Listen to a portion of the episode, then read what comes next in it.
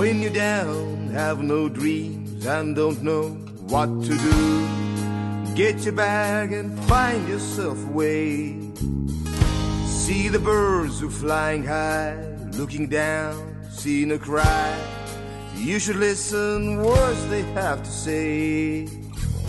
When you feel you have no wings, all the land seems so far away, far away, far away. But you always have your dreams. You don't only have to hesitate, don't hesitate, don't hesitate. Yeah. Up your head and back your head, clear your mind, and if you dare, get up and climb the nearest roof. Don't think long, just Oota. spread your arms and see on jump siis down. Eesti ettevõte, tähendab Eestis esindatud ettevõte internetis aadressil annabis.ee, kus te saate siis osta väga tervislikke, mõistlikke, looduslähedasi erinevaid kanepitooteid, mida te praegu siin ekraani peal näete. Ja eh, need on mõeldud kõikides vanusegruppides inimestele ja nad ravivad alates liigesevalust, lõpetades äh, juuste, hammaste, kõigega. et öö, ostke ja toetage saadet. nii et annabis.ee on aadress. ja nüüd siis saate juurde, et täna on meil külas Oskar Leesment, tere! tervist, aitäh, et kutsusite. ja kõigepealt ma küsikski, et, et, et sinu koduleht, võib siin, ja, ja ikka muidugi. ja et, et äh, on nelisada kakskümmend estonia.ee. Mis jah. see nelisada kakskümmend nüüd lahti seletatuna? aa, see number ise? jah, number ja see on meem selles suhtes, et äh, kunagi mingisuguses USA ülikoolis said noorikud äh, kell neli kakskümmend alati kokku, et äh, koos äh, üks väikene äh, pläru teha ja siis äh, sealt on kuidagi see, see number nii-öelda ma ei tea, tuuletiibadesse saanud, et see tegelikult väga midagi ei tähenda, aga see on, ütleme, niisugune koodnimetus, et kui sa näed kuskil graffiti peal nelisada kakskümmend, kui mööda linna ringi liigud, on ju, siis sa tead, millest jutt käib enam-vähem. kas see ei ole kahekümnes aprill kuidagi? aa, Hitleri sünnipäev ei, ei, ei, ei, ei. ma olen kuulnud, et see on rahvusvaheline kanepipäev, kas ma olen jaa, ei no muidugi kasutatakse, et need asjad äh, kukuvad kokku, aga Eestis võiks olla kuus viisteist, see on Eesti rahvakalendris äh, viidipäev. Mis see tähendab? Äh, see, see on püha Vittuse tähtpäev ja siis vanarahva kalendris päev, peale mida enam kapsaid äh, maha ei pandud, kuna neil enam pead ei kasvanud. aga noh, ma arvan, et kui teha seda Eesti niisuguseks kanepi äh, tähtpäevaks, siis me võiksime hoida seda väikest äh, kultuurikildu ühelt poolt, et äh, noh, vaadatakse, et mis see kuus, kuus viisteist on, mis see viidipäev on, et mis seal taga on, ja siis saavad teada selle kapsaloo ja teiselt poolt meil oleks omaenda tähtpäev. Okei okay,, et, et see on nüüd sinu kodulehekülg, ma siin tegin selle nüüd lahti ka, et inimesed saavad seda vaadata, et ma tahtsingi kohe alustada sellest, et et ütleme, kuna meid kuulatakse ka Spotify's ja Apple'i podcast'is, mitte ainult ei vaadata Youtube'is ja, ja Kammerteatri koduleheküljel, et siis nüüd sul on see tabel niikuinii endal peas, et, et, et aga ma siin inimestele noh, et, et hakkakski sellest kohe pihta, et, et siin on päris jõhkrad numbrid. esimene asi, mis, mis mulle kohe niimoodi häirekellad lõi põlema, et, et see graafik, kus on siis punase ja sinisega, et punasega on, on siis esmaproovinute vanus ja võrreldes siis samade vastajate praeguse vanusega, kui need vastasid. ja siis põhimõtteliselt see vastaja siis äh, andis teada, et vot ma olen näiteks kolmkümmend aastat vana, aga ma proovisin kaheteistaastaselt. Et äh, ja kui siis vaadata seda graafikut nii-öelda üldiselt, siis ma ütleks et, et üheksakümmend viis protsenti inimestest äh, proovivad enne kahekümne viiendat eluaastat, üheksakümmend protsenti enne kahekümne esimest, umbes kaheksakümmend protsenti enne aga kahe- siin- kaheksateistkümnendat ja seal on ka kuueaastased siin on neliteist, viis, neliteist kuni seitseteist on äh, tipp, Jaa, absoluutne tipp. jah, praegu ühes Eesti Ekspressi artiklis äh, narkopolitsei äh, ametnik ütles, et politsei oleks jumala õnnelik, kui nad saaksid esmaproovimiste vanuse natukene hilisemaks neljateistkümnendast eluaastast. Nad no. niimoodi ütleski, et, et mitte, et ärge tarvitage ja ei, ei, ei tohi tarvitada, vaid politsei oleks õnnelik, kui, kui alaealised hiljem prooviks. Aga prooviks, sest et, et see on ülioluline teema, mis mul oli mõttes, et lõpus lahata, aga kuna me juba sellest räägime, alustame sellega. et, et sa kirjutad, see artiklis oli see Aktuaalse Kaamera intervjuus mm, -hmm. mida me siin ka äh, puudutame hiljem, et, et sul on omal laps kaheksa, vabandust, seal sa rääkisid kaheksa-aastane mm, -hmm. et mul on ka kaks tükki, üks on kaheksateist, teine on kolmteist ja, ja näiteks see kolmeteistaastane mina ikkagi nüüd, ma tahan, et ta nüüd saaks tänase saate põhjal aru, miks tema ei tohi aa, no sellepärast, et äh, see, mida näiteks arstid räägivad, et äh, kanepist võib psühhoosi saada siis, kui sa oled alaealine ja seda kuritarvitad, eriti kui sa oled veel meessoost, see on jumal tõsi. et, äh, et see on vast ütleme, põhiline kanepi oht, kui üldse nendest rääkida, ongi, et kui äh, alaealine meessoost isik kanget kanepit kuritarvitab, siis temal on suurenenud psühhoosirisk ja kellelegi ma ei soovita niisugust kogemust saada. jätame sõna kange ja kuritarvitab välja, et lihtsalt tarvitab, et, et aju mm. areneb ju kahekümne viie eluaasta, kahekümne viienda eluaastani mm -hmm. ja mhm. ilmselgelt on ära tõestatud äh, arstid, teadlaste poolt, et, et selle noh, kuni aju areneb, on kanep ikkagi kahjulik jaa, selles ükskõik ma... milline äh,, DHC-d sisaldab siis te...? no me räägime ikkagi põhiliselt DHC-st kui sellisest äh, toimeainest, millel võivad olla kõrvalnäod, et CBD, äh, CBD-l pigem, pigem ei ole. Aga mida ta teeb, et äh, ma olen nii aru saanud, et endokannabinoidsüsteem kehas, just nagu alaealiselt, ta vastutab sellesama keha arengu eest, selle kasvu eest ja siis endokannabinoidsüsteem, nagu noh, nimigi ütleb, et ta toodab kehasiseseid kannabinoidmolekule. nüüd kui sa segad sinna sisse mingisuguseid fütokannabinoide kuskilt kõrvalt ja, ja noh, hea oleks, kui need veel puhtad on, on ju, me ei tea, mis sealt mustalt turult tulla üldse võib, et kas see on üldse sünteetiline, kas see on sünteetiline või see on looduslik, siis sa võid selle süsteemi lihtsalt tuksi keerata. no nüüd ütleme, kui lihtsalt rääkida, siis sa segad sellesse Äh, valmimise protsessi mingisuguseid kõrvalsaaduseid juurde sisuliselt ja jumal teab, kuhu see, kuhu see minna, kuhu see noh, minna võib. no see psühhoosi kõrval on muidugi üks asi, millest on palju juttu kanepi kontekstis, on mälu kaob ära. Mälu-uuringud on äh, selline lahtine teema, ses suhtes ma vaatasin praegu kahte äh, Äh, analüüs, üks oli metaanalüüs, kus oli äh, üle uuritud kuuskümmend üheksa teist uuringut ja seal siis uuringu subjekti keskmine vanus oli alla kahekümne ühe aasta. ehk siis, kui me räägime, et, et oi, et mälu kaob ära, no näiteks täiskasvanute kontekstis, siis, siis mul on nagu keeruline selliste uuringute pealt vaadata, et mida, mida ta teeb. no see oma uuringus on, ma, ma vaatan, reaalajas ta update ib seda siin arvutis, et on mingi tuhat kuuesaja ümber on neid, kes on sinu ankeedi täitnud. et, et see on siis nüüd sellel samal leheküljel nelisada kakskümmend estonia.ee, kus siis saab seda küsitluse mm, -hmm. küsitluses osaleda. ja, ja muidugi, seal on kaks küsitlust, palun kõik äh, osalege, et mida rohkem on vastuseid, seda parem on et.... ja see on anonüümne täiesti, et inimene ei pea kartma, et tal tuleb politsei ukse taha. ei, ei, ma ei tea, ma ei tea, kui palju, noh, ma ei tea neid inimesi, et ma ei tea tuhandet kuutesada kanepitarvitajat õnneks või kahjuks, aga ma saan sellest hirmust aru, et kui oli kaks tuhat viisteist nende kanepipetitsioonide allkirjastamine, siis näiteks mina jätsin allkirjastamata, seepärast ma kartsin, et mul on poole tunni pärast politsei äh, ukse taga. no sul oli siin Facebooki sinu leheküljel, mis on mul ka siin lahti mm, -hmm. siin on äh, igasugust äh, kraami üleval. jaa, nüüd ma olen natuke julgem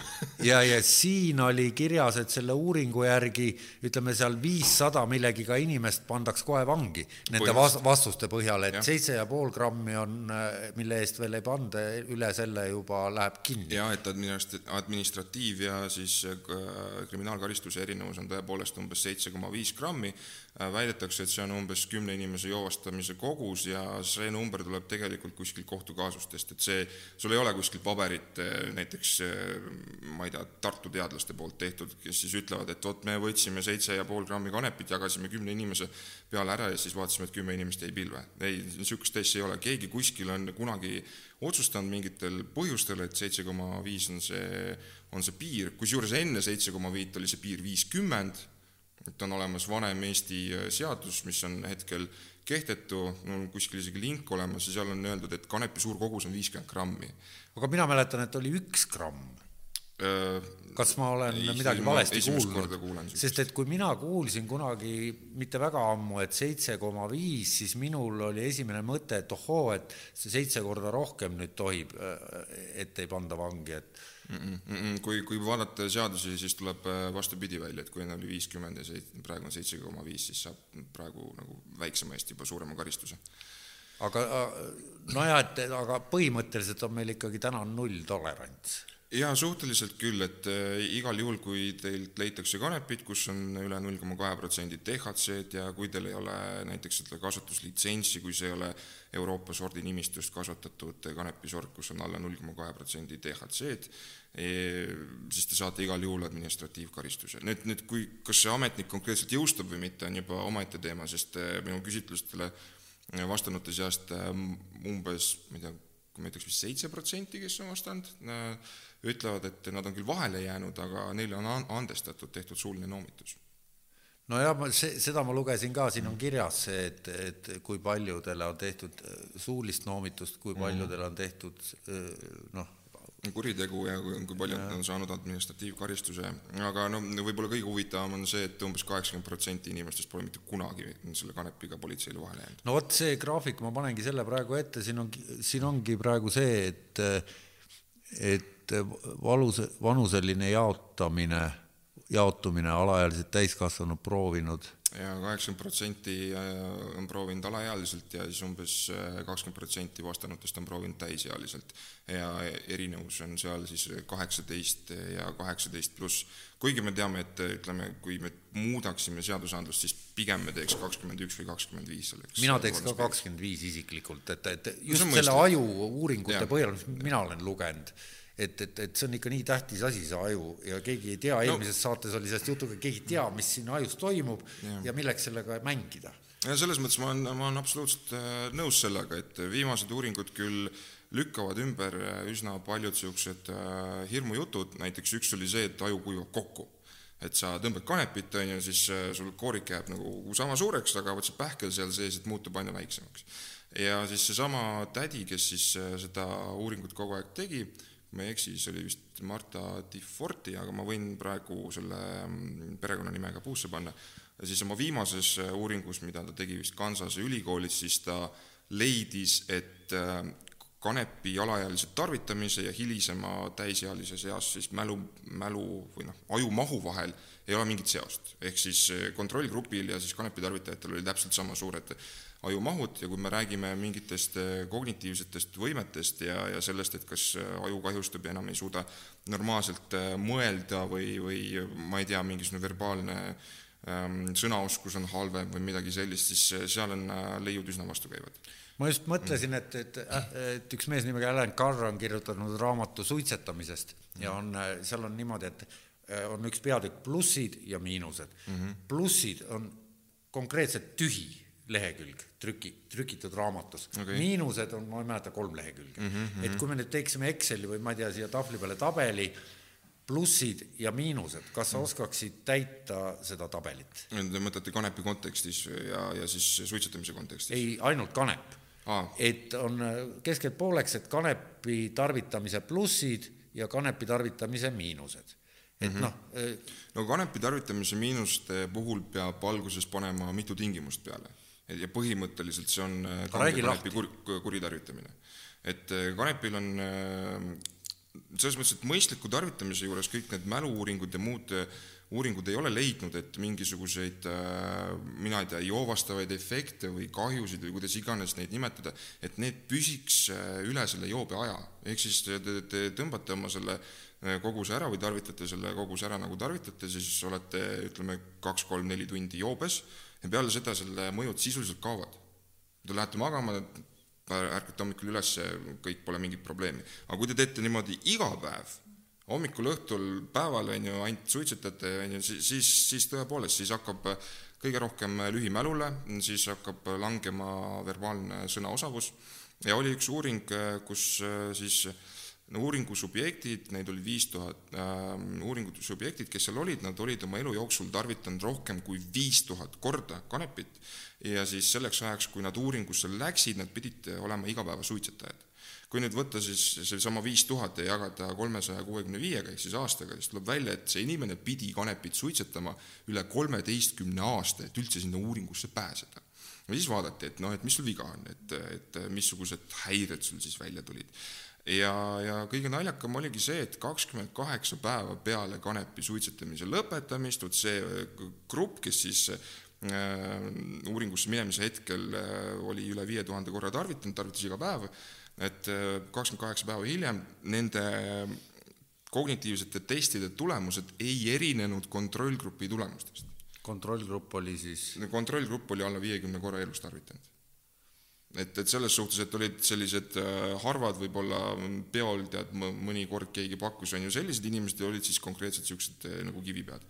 ja, ja siis leiti, et kui kivipea kakskümmend kaheksa päeva enam kivi ei tarvita, siis tema mälu ja kõik need muud omadused taastuvad no vot, mul on siin üks äh, viimaseid artikleid sellel teemal ajalehest välja lõigatud, kus on mul alla tõmmatud mingeid erinevaid lauseid ja üks asi, mis mulle silma jäi, mida ma tsiteeriks sõna-sõnalt, et mitte eksida, see on siis nüüd kahekümne esimese septembri posti, Postimehest, jah.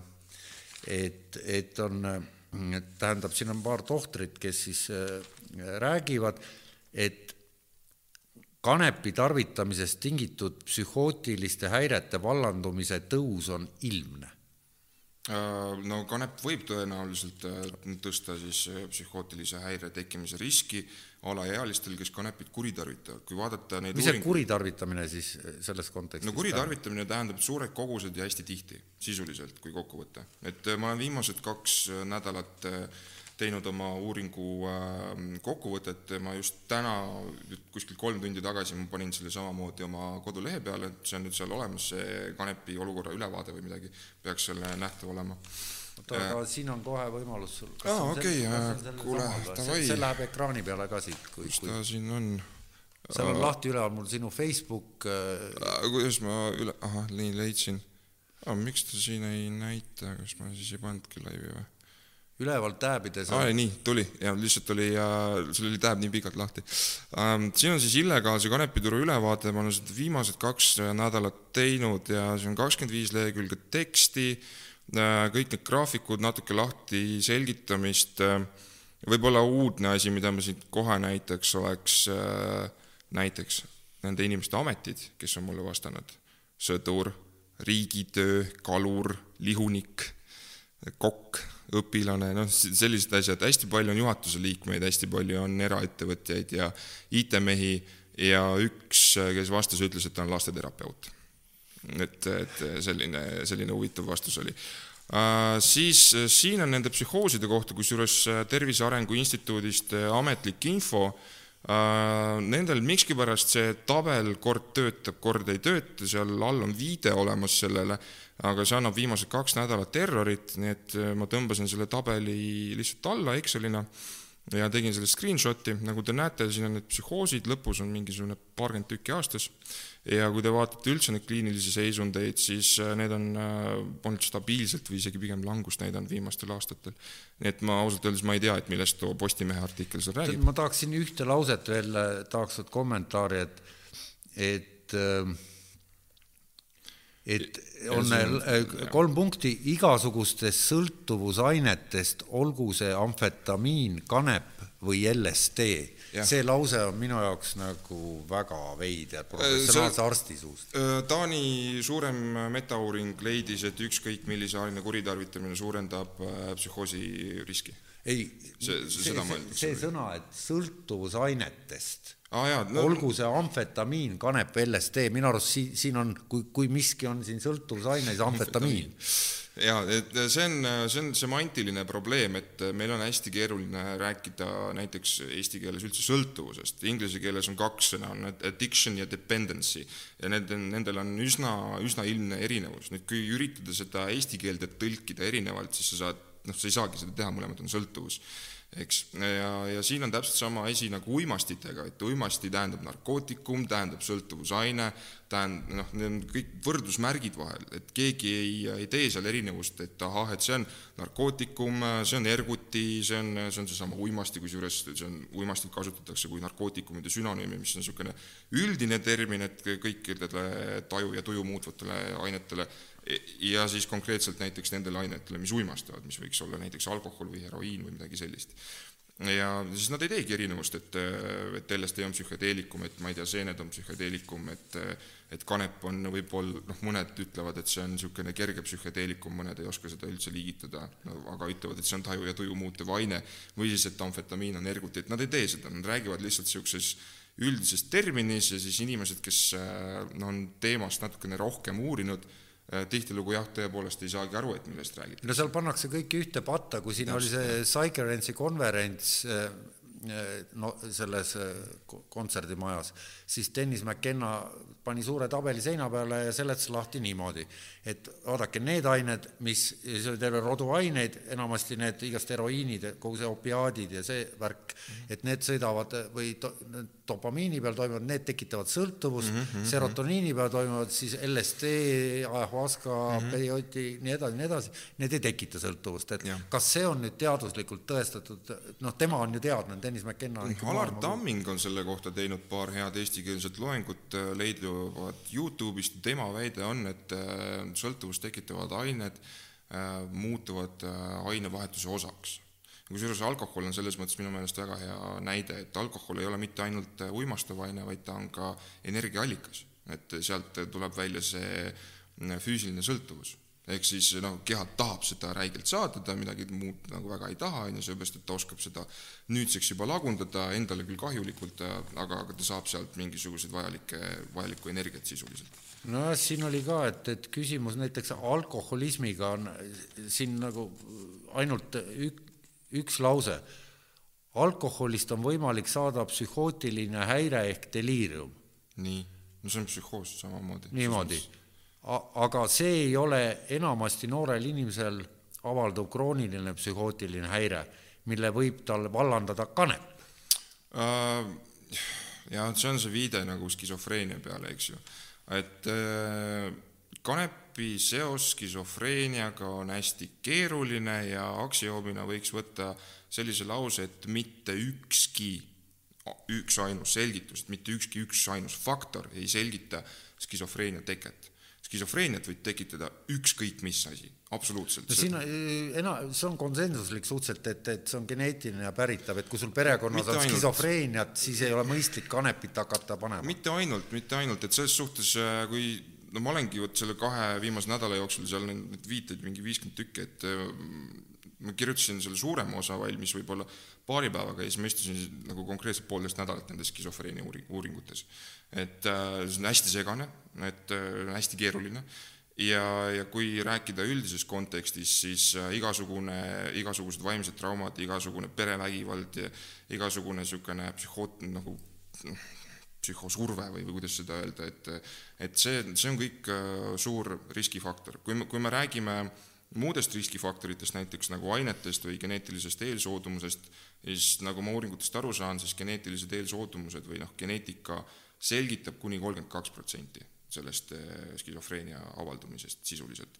nüüd, kui me võtame selle kolmkümmend kaks protsenti, siis eh, seal sees hakkab juba kanep rolli mängima. et on leitud eh, sellised geenikombinatsioonid, mis ennustavad nii skisofreeniat kui kanepi kuni, kuritarvitamist. ja kusjuures seos paistab olevat selline, et kui skisofreenikul hakkavad tekkima ütleme, eelsümptomid et äh, mis see võib olla, et on emotsioonitus, äh, depressioon, mingisugused sellised eelnähud, siis ta üritab nendest üle saada, tarvitades mingisuguseid taju ja tuju muutvaid aineid. ja siis, kui ta tarvitab näiteks kanepit, siis kanep tõepoolest sellise geneetilise eelsoodumuse puhul, ta võib vallandada sellel inimesel esmapsühhoosi, aga esmapsühhoos otseselt skisofreeniaks edaspidi ei tõlku, seal ei ole seda seost leitud. ja siis teine asi, mis on, et üks uuring Ehm, üks, ühe uuringu äh, nimetus oli selline, et kui mitu inimest peaksid kanepit mitte tarvitama äh, selleks, et üks skisofreenia juhus ära jääks. ja siis nad leidsid selle, need arvud, sisuliselt noorte meeste puhul ähm, peavad tarvitamata jätma siis kaks tuhat kaheksasada inimest, selleks, et äh, üks skisofreenia juhus ära jääks. ja kui me siis vaatame paneme selle nagu Eesti konteksti ja, ja paneme sellised kammitsad peale, et oletame, et kõik Eestis olevat üks miljon kolmsada tuhat inimest on kõik noored mehed, kes kanepit pidevalt kuritarvitavad, võidu üksteisega. ja, ja kui me jätame kogu selle kanepi tarvitamise ära, siis me võib-olla jätaks kõikidest skisofreenia juhtumitest vaid kolm koma kaks protsenti ära, et umbes mingi suurusjärk viissada juhust. Et äh, skisofreenia ja kanepi seos on olemas, aga see on väike et selles mõttes, kui teile räägitakse, et oi-oi, et äh, kõik jäävad kohe vaimuhaigeteks, siis see on puhas hirmutamine nojah, siin räägitakse ka profe-, niisugune termin nagu professionaalne alkoholism mm. -hmm. kas on professionaalne kanepi suitsetamine ka olemas või, või ma ei tea. niisugused terminid on siin äh, ma usun, et ajalehes... professionaalne alkoholism on väga erinev professionaalsest kanepi suitsetamisest ausalt öeldes. ma just äh, üritan aru saada, mida see tähendab, et ei no, no see ongi hästi keeruline, et äh, näete, minu jaoks, et teemat kuidagi lahti mõtestada, mul läheb nagu kakskümmend viis lehekülge tarvis aga nagu päriselt, no ma istun ja kirjutan ja siis, siis Postimehes on mingisugune viie tuhande tähemärgiline piirang on ju ja sinna peab arst siis kõik oma arusaamad ja mingisuguse põhisõnumi kiiresti-kiiresti ära kirjutada. no sellepärast me siin istume, et sul tuleb nüüd Riigikogus, ma saan aru mm., novembris ja. Äh, kaitsta oma seisukohti, kus siin artiklis on juba ette ära ennustatud juba ja seal Aktuaalses Kaameras vist, ei seal vist ei mainitud seda, et üleeilses, kus sa esinesid, et, et, et see kukub läbi ei no raudselt kukub läbi, aga tähtsam on äh, jätta sinna kindel märk, selles suhtes, et kui mitu tuhat inimest tulevad ja ütlevad, et tere, me tarvitame kanepit, meil on kõik korras, on ju, mul on, mul on lapsed, mul on pere, ma olen ise ettevõtte omanik, on ju, ma olen tarvitanud kümme aastat ja, ja minul ei saa nagu sõltuvust külge panna näiteks või mingisuguseid muid häireid. et noh, sõltuvuse kõige levinum definitsioon on see, et äh, sa tarvitad nii, et see tekitab sulle probleeme, aga sa tarvitad ikka edasi, enda kahjuks sisuliselt. aga kui sa tarvitad ja neid probleeme ei teki, siis järelikult pole ka sõltuvust, see, see on medali teine pool. aga räägime nüüd nii, et alkoholisõltuvus on ikka väga selge asi yeah. ja kanepi nii-öelda pooldajad väidavad, kanep ei tekitagi sõltuvust, ükskõik kui palju sa seda siis endale kimud, et et kuidas siis sellega nüüd äh, ametliku statistika järgi võiks öelda et, et üheksa protsenti äh, tarvitajatest täidavad ära äh, aine, ainete tarvitamise häire ehk siis sõltuvuse kriteeriumid. Ja neid sõltuvusastmeid on tegelikult ka veel omakorda kolm no sõltuvus on see, et ilma ei saa, hommikul peab peal võtma, no alkoholiga nii. kuidas ja, see kanepi sõltuvus välja näeb, et inimene hakkab hommikul ärkab, väriseb üle kere ja peab saama kanepit, et ellu ärgata? tead ei, et selles mõttes võib-olla see on niimoodi, et inimene tunneb ennast kuidagi mornimalt või, või vähem motiveeritumalt, kui ta kanepit ei saa, aga aga But, seda ongi nagu hästi-hästi keeruline kuidagi kvantifitseerida. kas seda saab võrrelda antidepressandi, näiteks kui ütleme, on olemas niisugune antidepressant nagu Seroxat, nimi juba ütleb, mis see teeb, et ta toodab serotoniini või mm, -hmm. või noh, et organism toodab seda liiga vähe, ta paneb seda juurde mm, -hmm. et, et ärevus ära kaoks ja, ja nüüd nii palju, kui mina selle kohta tean, et, et noh, kui sa selle ära jätad, selle tarbimise, siis sul tekivad võõrutusnähud, et, et sa emotsioone üldse enam pole pärast seda mm. -hmm. et, et, et kas nüüd need antidepressandid on võrreldavad, ütleme, kanepiga selles suhtes? no ka, kanepi puhul tuuakse välja, et üks nendest kõrvalnähtudest võib olla siis anhedoonia ehk siis nagu täielik huvi puudumine millegi vastu. aga no nii palju, kui ma olen inimesi äh, näinud, kes kanepit tarvitavad, et ma, ma ei ole nagu näinud probleemset tarvitajaid, ausõna ma noh, okei okay,, ülikoolis äh, oli üks ja tänaseks on ta ülikooli lõpetanud. et, et selles suhtes äh, mul on nagu hästi keeruline üldse aru saada, et äh, kui me räägime kanepisõltuvusest, et millest me täpsemalt räägime, sest igasuguseid joodikuid ma olen näinud nagu päris palju, ma olen kaks aastat olnud baarmen, et et igasugused enda oksa sees püherdamised ja enda loikude sees nagu püherdamised, kaklused, täielik kas keegi on kunagi agressiivseks läinud kanepi tarvitamise tõttu, on on teada pole, pole kunagi mingi statistiline number selle kohta üldse eksisteerib või? no vot, ma ei oska öelda, et ma, ma kujutan ette, et kui on äh, keegi inimene, kellel on näiteks eelsoodumus, äh, kes on alaealine ja, ja saab seda hästi kanget tänavakivi või, või jumal hoiab äh, mingisugust sünteetilist kannabinoidi, et temal võib katus ära sõita, mis, mistõttu ta võib ükskõik mitte mida teha, kaasa arvatud ka agressiivne olla. aga muus osas ma pole ühtegi agressiivset kanepitarvitajat näinud elu sees. ja, noh, baaris ma oli, oli väga hästi teada, et mida inimesed käisid näiteks õues tegemas, et, et aknast oli väga ilusti näha ja nendega polnud nagu mitte kunagi mitte mingisuguseid probleeme, jätsid tippi ka veel hästi. Et ja siis mingisugused alkoholivennad vaatavad jalgpalli, söövad jalapeenosid juustuga, panevad siis äh, kogu selle loigu pärast pelliku ette maha ja siis küsid, kuule, sina tegid, koristada tahad või? ei, mina ei teinud. et noh, selles mõttes on ikka väga-väga suur erinevus. no siin Aktuaalses Kaameras, et äh, selline tsitaat, äh, Tõnis Mölder, sotsiaalkomisjoni liige, et et see võiks tähendada seda, et meie Eesti inimeste seas kanepi tarvitamine kasvataks hüppelise kasvaks hüppeliselt ja see toob kaasa probleemi, mis puudutab eelkõige rahva tervist ja mhm. kanepi tarvitamisega kaasnevate tervisekahjude olulist tõusu. mis on kanepi tarvitamisega kaasnevad olulised tervisekahjud peale selle, mis me nüüd juba rääkisime? no, no siin on ongi see, et, et siin on väga-väga nagu selgelt vaja ära raamistada, et millest me täpsemalt räägime. et alustame sellest, et vaata, mis olukord meil praegu on. meil on praegu niimoodi, et me teame, et alaealistele kanepit, et alaealistele on kanepi tarvitamine ohtlik, on ju, meil on hästi palju alaealisi, kes kanepit tarvitavad. kas see ei ole rahva tervise probleem? kas see ei ole veel suurem rahva tervise probleem, kuna need inimesed, need inimesed on meie risti, riigi tulevik. oletame, et nad tõepoolest jäävad kõik lolliks ja, ja saavad skisofreeniad, ilma, invaliidistuvad, mida iganes, kes talle pärast pensionit maksab?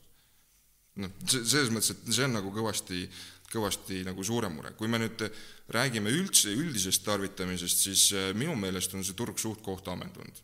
et kui, kui ma nüüd ähm, tsiteerin Jordan Petersoni, on ju, ta kommenteeris Kanadas äh, seda legaliseerimist, ja siis ta ütles, et hei, me legaliseerisime äh, kanepi eile, õues ei ole nagu hästi palju inimesi, kes peaga vastu seina jooksevad, kõik on hästi, mitte midagi pole muutunud et äh, täpselt sama asi on, on ka see ja täpselt äh, sama asja taotleb ka see kanepireform. et inimesed, kes praegu tarvitavad, et nad lihtsalt saaks osta seda kanepit kuskilt kohast, kus on äh, selle kvaliteet teada, et neid inimesi nõustataks ja et nad viiksid oma raha pigem riigi kaukasse, mis siis omakorda saaks siis äh, ennetada selle maksuraha kaudu kõiki neid väidetavaid ilgeid hästi suuri kahjusid. ja kusjuures see, mida me siiamaani oleme rääkinud, äh, on, kõik puudutab seda recreational, see on siis eesti keeles äh, lõõga, lõõga. lõõgastus jah ja, midagi sihukest. aga me ei ole sõnagagi veel puudutanud ravikanepi teemat, et Eestis on ju ametlikult ju lubatud juba välja kirjutada ja ma olen mm -hmm. kuulnud, et arstid ei julge välja kirjutada. no ma võin teile rääkida oma kogemust. mul, mul oli, mul oli umbes paar aastat tagasi üsna tugevad migreenid, et äh, ilmselt tööstressist, veel millestki, noh, hästi ebamugav oli, kuni mingi kaksteist, neliteist episoodi kuus. ja, ja selles mõttes ja noh, kuulsin ka neid kõiki superomadusi ja nii edasi, mõtlesin, kättesaamine pole mingi probleem, üks kõne. ja, ja siis katsetan. kaheks nädalaks võttis ära. noh, minu puhul konkreetselt, et selles mõttes, et see ei ole kellegi tegelikult me jõuame selleni, et kõik, kes tahavad, saavad seda kätte igalt poolt nii või naa, aga on raskeks tehtud just ütleme, vanema põlvkonna inimesed, kellel on eelarvamused, need ei julge. et, et selles mõttes ma läksin siis äh, arsti juurde ähm,, ma käisin mitu korda seal, sain mingisuguseid tablette, mis äh, tekitasid minus endas mingisugust disassotsiatsiooni, et ma tundsin ennast imelikult, et ma tundsin, et nagu peas on kuskil mingi kramp, aga nagu valu ei ole ja hästi, hästi kuidagi imelik tunne oli. Ja siis ühel viimasel äh, kohtumisel ma ütlesin, et teate, kallis arst, on ju, et ma olen avastanud niisuguse nagu vahendi, võtab kuni kaheks nädalaks minu, minul konkreetselt äh, ära, et kas te saate kommenteerida, kas CBD mind aitaks, sellepärast ma ei ole huvitatud joobest kui sellisest, ma, mind huvitab see, et mu pea ei valutaks. Ja arsti siis äh, nagu kommentaar oli see, et aga miks sa siis fentanüüli ei tarvita, see võtab ka valu ära. nojah. No selles mõttes, et, näidake mulle seda arsti. mul üks, äh, mul üks tuttav äh, praegu jäi äh, taime kasvatamisega vahele, tal on mingisugune liigese probleem ja siis ta saadeti sinna Kanepi sinna valikprogrammi, et põhimõtteliselt no see peaks olema iseenesest teraapia, see, mis ta kirjeldas, jäi teraapiast päris kaugeks, aga no, aga noh, sellegipoolest seal, kui ta inimest, mingi inimesega rääkis, et kuule, tead, kallis tädi, et mind ka nagu joove nii palju ei huvita, et mul on liigesvalud, ma olen krõbistanud igasuguseid krõbuskeid siin, mis mind väga palju ei, nagu ei aita. Et, et noh, et mis sa nagu minust tahad, et, et kas ma pean, kas minu elukvaliteet peab siis nagu alanema, et mis sa arvad, et ma jätan nüüd siis kohe maha selle pärast või ja siis kannatan oma liigesvalusid. siis tädi ütles, ah noh, mine siis võta sellelt arstilt, et umbes niimoodi, et kõik kirjutavad lihtsalt iga päev nagu hästi palju. on ju, sest noh, poiss siis vastas, et kuule, näita mulle seda arsti, ma juba jooksen et, et noh, ma ei tea, miks, miks nad ei, ei tee seda. no see on viis, kuuskümmend aastat, viis, kuuskümmend aastat on olnud äh, keelatud ja maailm on harjunud ära, kasvanud üles mitu põlvkonda selles valguses, et see on narkootikum, sama ja. nagu heroiin. Ma arvan, et, et see, see ongi see, millest me noh, see känd, mille taga me oleme, et et no teavitus... selles mõttes, et narkootikum on iseenesest vaid sõna, mis äh, tõmbab kõik taju ja tuju muutvad ained ühe mütsi alla nüüd, et kas narkootikum on hea või halb, sõltub puhtalt selle tarvitamise kontekstist või siis selle kasutamise kontekstis. ega ravikanepi ja tavalise kanepi eripära on täpselt see, et ühte kirjutab välja arst ja teine, teiste saab kuskilt no, hetkel siis täna. ravikanep on THC-d sisaldav kanep, sama, mida müüakse tänaval, ainult selle vahega ilmselt, et üks on kontrollitud. no üks on kasvatatud kuskil vanaema halitanud keldris, on ju, ja teine on biolaboris enam-vähem, et see vahe on aga kas Eestis on siis olemas sellised ametlikud laborid, kes ei, Eestis, Eestis on väidetavalt ühele inimesele Sativeksi välja kirjutanud ja kui ma õigesti mäletan, kuussada euri kuu maksab niisugune asi. oota, ütle uuesti, mida välja? Sativeks, see on viiskümmend, viiskümmend kanepi mingisugune preparaat lahus, pihustatakse ke-. viiskümmend, viiskümmend on siis CBD ja, ja DHC. ja seal on kolm erinevat ja kõige levinum minu meelest oli just viiskümmend, viiskümmend ja väidetavalt ühele inimesele vähivalude puhul kirjutati välja.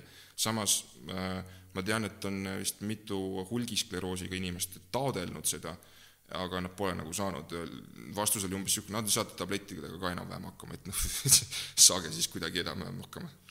aga mul on üks tuttav, kes on noh, infotehnoloogia valdkonna inimene, kellel oli ajus või peas kasvaja, niisugune rusikasuurune asi lõigati välja. Ja tema tegi kindlaks, võttis asja kätte ja lasi, ühesõnaga uuris nii kaua, kuni uuris välja, et see tuli sellest, et ta räägib mobiiltelefoniga palju ja selle, ja ta on poolenisti halvatud nägu mm -hmm. siiamaani ja nüüd ta räägib niimoodi, et mobla on eemal. miks ma seda räägin, et, et kõik lapsed ja vanuriteni välja räägivad tänapäeval mobladega hommikust mm -hmm. õhtuni. ja aastas seesama inimene selgitas, uuris jällegi välja, Eestis on umbes kuuskümmend juhtumit, kus inimestel on aju või noh, pea siis kasvaja, mis on tekkinud konkreetselt mobiiltelefoni nendest noh, sellest värgist. aga, aga jällegi, miks ma seda räägin, sellest ei räägi mitte keegi, see on igav, see ei mm. ole huvitav, see ei ole keelatud, see on lihtsalt üks asi, millest on parem mitte rääkida. kanepist, sinu enda tabelis oli, olid need numbrid seal nüüd, mis, kui sa nüüd ütled, tuletad mulle meelde, milline graafik see oli, kus on need aa, siin kahjuks on nii hämar, et seda vist äh, inimesed ei näe. ütle selle nimi seal, siis mul see, see, see on nagu see, kus oli kirjas, et, et mitu inimest on nagu kannatanud, vot see on nüüd, kus ta, kus ta oli, et, et ähm, see ei ole see tabel.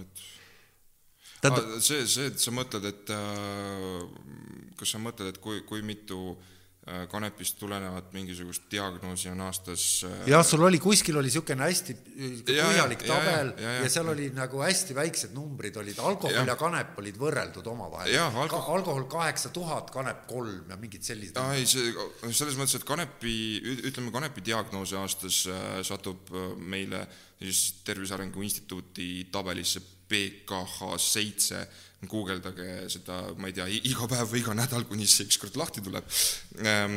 umbes kakssada tükki, on ju. ja, ja siis alkoholist on, äh, see oli see ülevaates seal, äh, siis alkoholist satub meil viimasel kahel aastal circa kaheksa tuhat ükssada viiskümmend nüüd, kui me võtame aluseks, et Eestis võiks olla näiteks kaheksakümmend tuhat kanepi tarvitajat, no oletame, et meil on, siis selle jaoks, et kanepi tarvitajatest äh, tekiks sama palju neid ähm, diagnoose, mis satub sinna statistikasse, peaks neid kanepi tarvitajaid olema viis miljonit kaheksasada tuhat. et selles mõttes alkoholi me kannatame, aga kanep on hästi paha, on ju.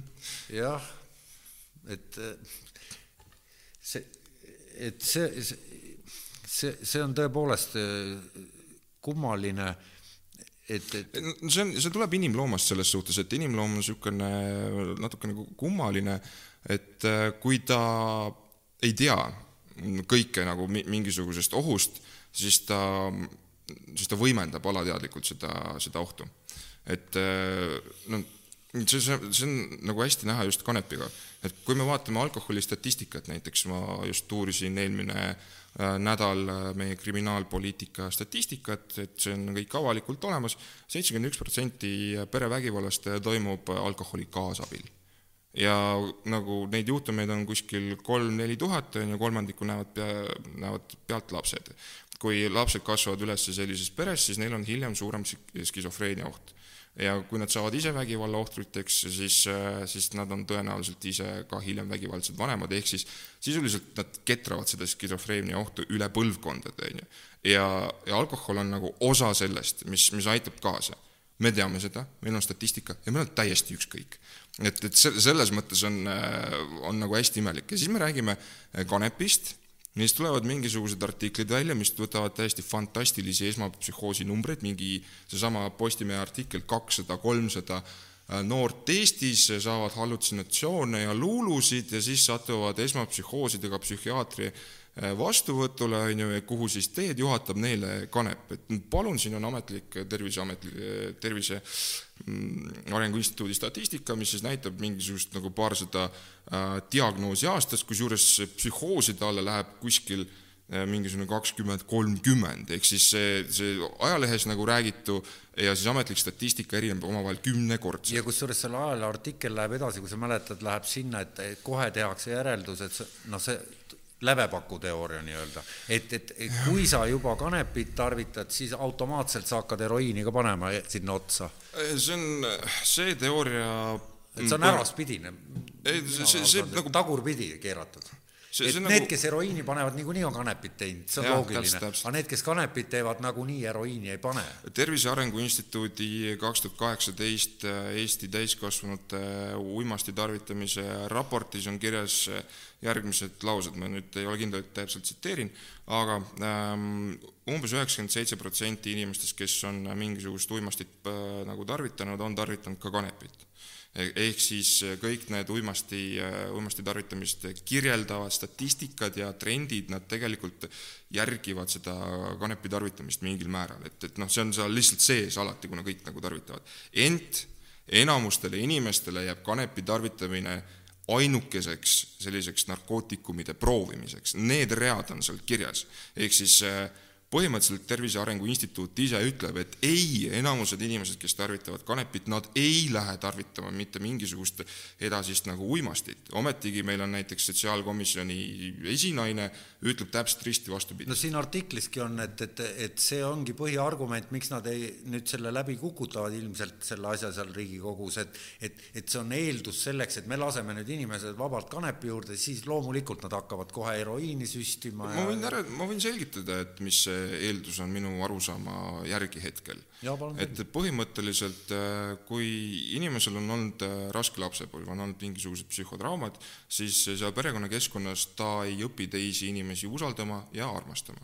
inimene on selline olend, kes siis nagu suheldes teise inimesega, ta kogu aeg peegeldab ja vaatab, et kas tema käitumine on normaalne. et selles mõttes ma istun praegu siin, ma räägin teiega, äh, te ei näita välja mingisugust ebamugavust või, või ei näita mingisuguseid märke, et ma käitun ebasündselt, siis mina järeldan, et minu käitumine on praegu okei okay nii, see inimene, kes inimesi teisi ei usalda, tema ei saa seda teha, ta hoiab oma probleeme endas, ta ei jaga, sellepärast et ta kardab, et sealt tuleb ta tagasi vägivald. nii, kui ta nüüd tarvitab mingisugust taju ja tuju muutvat ainet, siis põhimõtteliselt see taju ja tuju muutev aine on tema jaoks peegel. ta näeb ennast teisest vaatevinklist. ja see on nagu ilmselt äh, üks vähestest võimalustest, kuidas ta saab oma ärevusest ja mõttekeerisest ja probleemidest mingisugust puhkust ja seal tekib see konks. ja seal tekib see, et, et, et sa proovid veel, sellepärast et see on a la nagu lahendus. me ju teame, et Freud ja, ja Jung näiteks, nad tegid oma psühhoanalüüsi täpselt samamoodi, nad tarvitasid mingisugust ainet no, ja vaatasid no,, kuidas nad sellele reageerivad. mina olen aru saanud, et see aine, aine oli kokaiin. Äh, Jung minu teada on, või ei, vabandust, Nietzsche oli tarvitanud, tarvitas ka kanepit äh, ja, ja minu Freudi kohta ma olen ka kokaiini kuulnud, aga ma olen aru saanud, et nad tegelikult tarvitasid nagu mingisugust paletti. aga mis on kokaiini nüüd, kus kokaiin on ikkagi sõltuvust tekitav aine?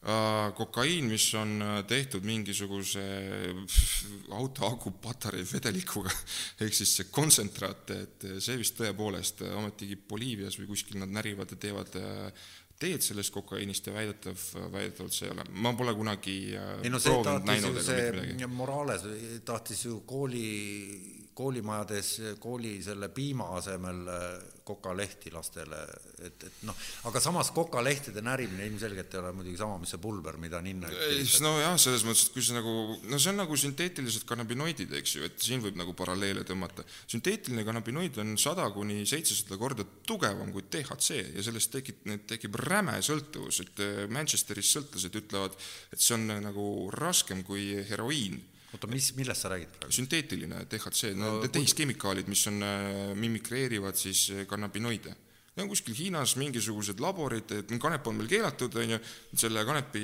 molekul, mis on keelatud, on mingisugune niisuguse kujuga, on ju, aga teeme natuke teistsuguse kujuga. oota, ma segan vahele, kas see, mis siin artiklis on, et kanep läheb järjest kangemaks, et see... mida see tähendab, mismoodi saab minna kanep järjest kangemaks, sordid, siit artiklis on kirjeldatakse, et aretatakse nagu põhimõtteliselt, sel-, see on, selle taga on hästi lihtne majanduslik mootor.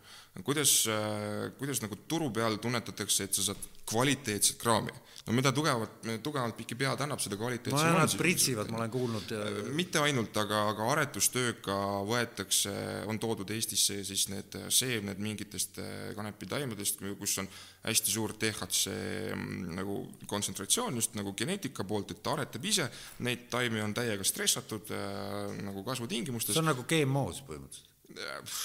ei ole päris nagu GMO, aga, aga kindlasti ütleme tehislikum kui, kui looduslik äh, oota, kasvatamine. oota, aga mina kunagi käisin äh,, küsimus.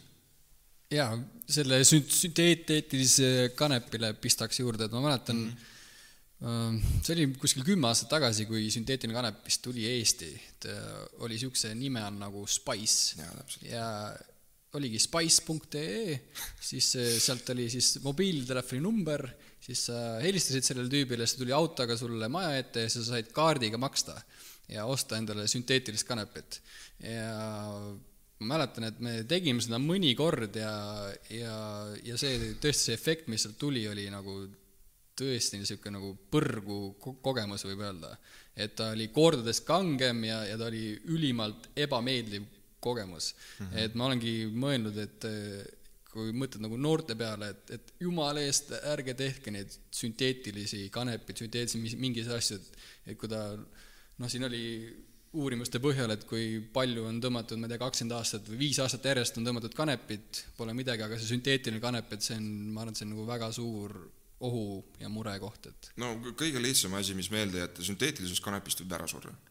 see, see on nagu kõige lihtsam asi. ühesõnaga noored, kes meid noh, nüüd juhtuvad kuulama või vaatama, et siis hoidke kaarega eemale igasugusest pulbristatud rohelisest heinast, mis, mida teile müüakse minigrippides, saatke kukele kohe need inimesed, see, see, see pole, see, see pole nagu naljaasi. selles mõttes te võite minna Wise'i, Youtube'i vaadata Wise'i neid eh, Spice'i sõltusid, see on julm.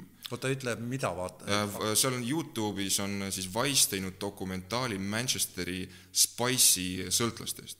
Need on konkreetselt inimesed, kes on nagu heroiini pealt alla tulnud eh, ja, ja nagu Spice'i õnge läinud. see on lihtsalt julm, mis nende inimestega toimub ja, ja see tuleneb sellest, et meil on nagu taimne molekul on keelatud ja siis mingisugused eh, nagu pilusilmsed eh, laborivennad on ju, need siis aretavad välja mingisuguseid sarnaseid molekule, mis siis äh, nagu lähevad nende samade retseptide, retseptorite juurde, nad kui kanep on, ütleme, niisugune poolagonist, et ta, et ta natukene nii-öelda stimuleerib seda retseptorit, mitte täiesti, ja see paneb nagu täie, täiega tööle selle, on ju, inimene näebki omal mingisuguseid nägemusi, põrgukogemusi, mis on veel hullem sealt, et kui, kui inimesed on kanepit tarvitanud nagu üüratult pikalt ja inimesel on välja arenenud mingisugune eh, kanepimolekulide lagunemine, lagunda, lagundamise mehhanism, on ju, eh, siis nende sünteetikumide puhul ei pruugi olla ja see siis äh, organism seda kuidagi lagundab, need on ikkagi toksilised ja need äh, on leitud, et need mõjuvad ikkagi edasi samadele retseptoritele, ehk siis organism ei suuda seda jama endast väljutada ja, ja see võibki jääda nagu pikemaks ajaks ja tekitada pikemaid kõrvalnähte. oota, aga meil on siis praegu, me seisame niisuguse ohu ees, et kui, kui kunagi ma käisin Kristjanias, see on siis Taani Kopenhaagenis niisugune linnaosa, kus äh, müüakse ma arvan, siiamaani see töötab seal. ja, ja, ja seal ma mäletan, oli kuuskümmend või seitsekümmend sorti erinevat kanepisorti ja siis see, kes seda müüs, ütles, et ma küsisin, et noh, ma ei saanud midagi aru, mis, mis siin toimub. ja ta ütles, et vot see mõjub nii, et see nüüd rahustab, see mm -hmm. nüüd mhm. teeb rõõmsamaks, see nüüd teeb nagu, paneb mõistuse teravamalt tööle ja, ja mida iganes. et, et küsimus oli nagu selles, et mi, mida sa tahad, aga kõik olid erinevad sordid mm. -hmm. aga nüüd, nüüd ma saan sinu jutust nii aru, et on mindud seda teed, nagu ikka asjad lähevad, et üritatakse luua ühte seda üübersorti, mis siis hakkaks kõige kõvemini pähe, et see, et see Tambovi koefitsient või see, et et, et, et, et võimalikult väikse raha eest saada võimalikult jaa, more bang for your buck, jah, täpselt nii. et, et kuidas nüüd äh, sa näed, et kui legaliseerida see asi ära, kui see õnnestub ühel päeval, ta niikuinii juhtub, et, et mismoodi see kord peaks välja nägema, kuidas ta nendes kohtades nagu Kanada ja Uruguay ja ütleme Portugal no, ja seal on kõik nagu ka otse, mingil määral lapse kingades, seepärast et me peame arvestama, et kes neid seadusi teevad, on täpselt samasugused nagu natuke vanemad inimesed, kes on äh, selle Reefer Madnessi ajastul üles kasvanud. ütle, mis see Reefer Madness on siis kanepi hullus, sisuliselt oli niisugune vend nagu Anslinger ja ta ütles, et kanepi peab ära keelama, sellepärast et see mõjub väga halvasti degenereerunud rassidele ehk siis neegritele, filipiinodele, hispaanlastele, et naised otsivad äh, seksi neegrite käest, ainult neegrite käest, kui nad kanepit tarvitavad, et need kanepi tarvitajad kui sa kanepit tarvitad, siis sa tapad oma venna ära tõenäoliselt ja et kanepi tarvitajad äh, teevad saatanlikku džässi ja swingimuusikat. Ma... Need on need teaduslikud ma panin selle praegu ekraani peale ka, et see Alsingeri pilt ja siis see jutt äh, sinna juurde, et, et sellest oli meil ühes eel, eelnevas saates, kui me maja, kanepi majandusest oli juttu, et siis Ansiker oli ju narkotsaar sisuliselt Ameerikas või jah, jah, ta, tema on selle globaalse kanepikeelu taga, et alustas tuhat üheksasada kolmkümmend seitse selle kanepi, kanepi maksustamise mm, eelnõuga, mis siis põhimõtteliselt keeras ja kägistas ära kõik siis kohalikud kanepikasvatajad, siis number kaks, mis ta tegi, et kui te vaatate vanu entsüklopeediaid, seal ei ole niisugust sõna nagu marihuana. lihtsalt ei ole seda. ja kui te vaatate isegi neid vanu entsüklopeediaid sõnakoha pealt cannabis, siis nad näitavad, et mine vaata sõna hemp et, et see on nagu põhimõtteliselt üks ja seesama asi. et kui me täna siin teeme mingisugust niisugust voodut ja eristame väga tugevalt tööstuskanepit ja, ja tavalist kanepit või, või kuidas iganes seda seal eristada, siis see on kõik nagu üsna nagu pseudoteema Äh, mida Anslinger tegi, ta siis ütles, et äh, ta rebrändis selle kanepi, ütles, et äh, see ei ole enam kanep, see on marihuana, ja siis ta hakkas just neid mingisuguseid hulle ideid välja käima, et kuidas naised otsivad neegrite käest seksi ainult ja ja käituvad ebasündselt ja degenereerunud rassid ja blä-blä-blä. ja siis ta suutiski alguses selle mm, USA-s ära keelata ta, ta ütles, et marihuaana on kõige hullem droog, mida inimesed teavad, see tekitab väga suurt vägivalda, sa tapad oma venna ära, kui sa seda tarvitad ja nii edasi ja nii edasi. ja siis äh, üldsus, kes seda siis telekakastist ja siis William Hursti ja nendest pamflettidest ja, ja ajalehest lugesid, läksid kõik äksi täis ja ütlesid jaa, jaa, davai, keelame ära ja keelame ära, ja siis keelati ära. ja, ja siis pärast oli nagu oot-oot, aga me räägime kanepist ju tegelikult ja nüüd on see keelatud ja siis oligi niimoodi, et äh, siis tuli veel seesama Reagan, et äh, Vietnami sõda oli läbi, oli vaja uut mingisugust rahvavaenlast leida, siis ta ütles, et, et kõik narkootikumid on rahvavaenlus number üks, on ju, siis hakati siis, kas siis hakkas see ametlik sõda? no põhimõtteliselt küll jah, see, see oli, see oli tema teene ja Anslinger äh, nagu utsitas teda. ja, ja kogu Anslingeri karjääri äh, ütleme, tipp oli see, kui ta siis ÜRO-s tuhat üheksasada kuuskümmend üks surus läbi äh, sisuliselt ülemaailmase kanepikeelu ja, ja teiste no, nagu ainete keelu. Nixoni teema oli see ka, eks? Äh, võimalik, ma tean, et Anslinger oli sellel ajal ÜRO saadik, USA saadik. ja see oli tema välja käidud ja me peame veel arvestama, et see peaks olema nagu külma sõja kontekstis, kõik tahavad olla USA sõbrad eks ju, ja siis äh, ta panebki kokku niisuguse dokumendi, mis siis äh, jagab need ained mingisugustesse nimekirjadesse, topib kanepi esimesesse nimekirja, kus on äh, kirjutatud, et kanep on kõige hullem narkootikum ja ta ei oma mitte mingisuguseid meditsiiniväärtuseid. täpsustame, et esimene nimekiri on see, mis ei oma mitte mingit ravimipotentsiaali, ehk siis seda ei, ei ole vaja katsetadagi ja, ja. Need ained on esimeses nimekirjas. jah, ja siis seitsekümmend kaks tuli seal teine nimekiri ka vist juurde. aga noh, point oligi, et see, see kuuskümmend üks, ähm, kuuskümmend üks ÜRO leping siis ähm, põhimõtteliselt, mis ta sätestas, oli see, et kõik teised riigid pidid käituma nende ainetega täpselt samamoodi nagu USA ja kõikides teistes riikides pidid olema umbes samasugused karistused äh, ainete käitlemise eest nagu USA-s. sellepärast, äh, seetõttu te võitegi vaadata üle maailma näiteks neid uimastikaristusi, siis te leiate sealt noh, kümme aastat, viisteist aastat meil Eestis täpselt samamoodi, nende uimasti käitlemis, käitlemise eest ja see on igal pool enam-vähem samasugune, variatsioon on umbes selline, et äh, juurde tuleb veel eluaegne ja juurde tuleb veel surmanuhtlus näiteks Aasia riikides. seal taga oli muidugi see Big Pharma lobi ka kõvasti, et, et nad äh, üritavad patenteerida neid samu toimeaineid, et teha neist ametlikke tablette, mida saab ametlikult retseptiga müüa. ma ei tea selles mõttes, et ma no see ei puuduta nüüd ainult kanepit. see on niisugune libe teema, et, et, et mõni inimene vaatab, et sa peaksid niisugust asja rääkima siis, kui sul on endal fooliumüts peas.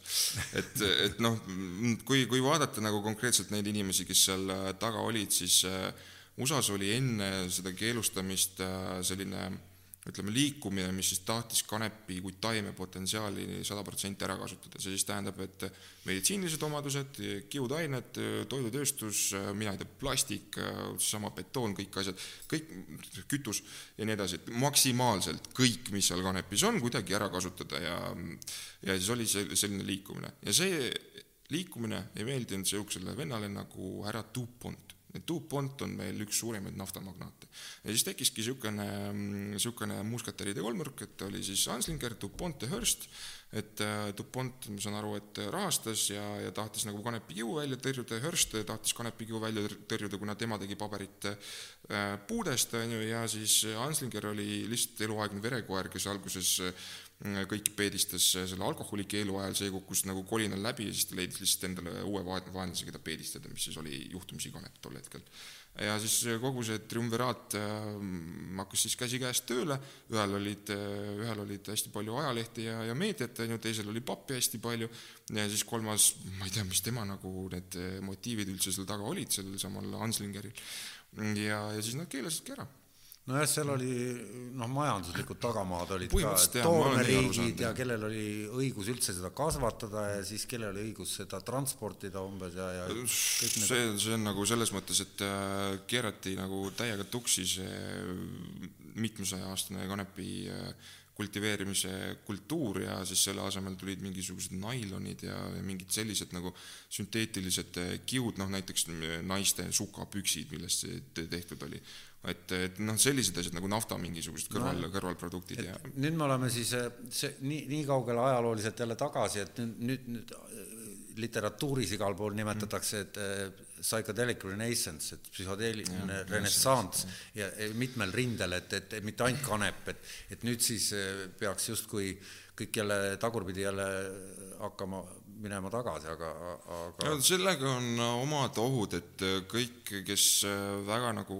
haibivad seda, et ma soovitan, kuulake läbi Toast Nationi viimased kümme episoodi. mille? Toast Nation, James Kendi tehtud podcast, Toast Nation on nimi, ta on üle kahekümne aasta tegelenud psühhedeelikumide areenil ja viimased kümme episoodi on hästi niisugused maad ligi. oota, ma panen selle ekraani peale.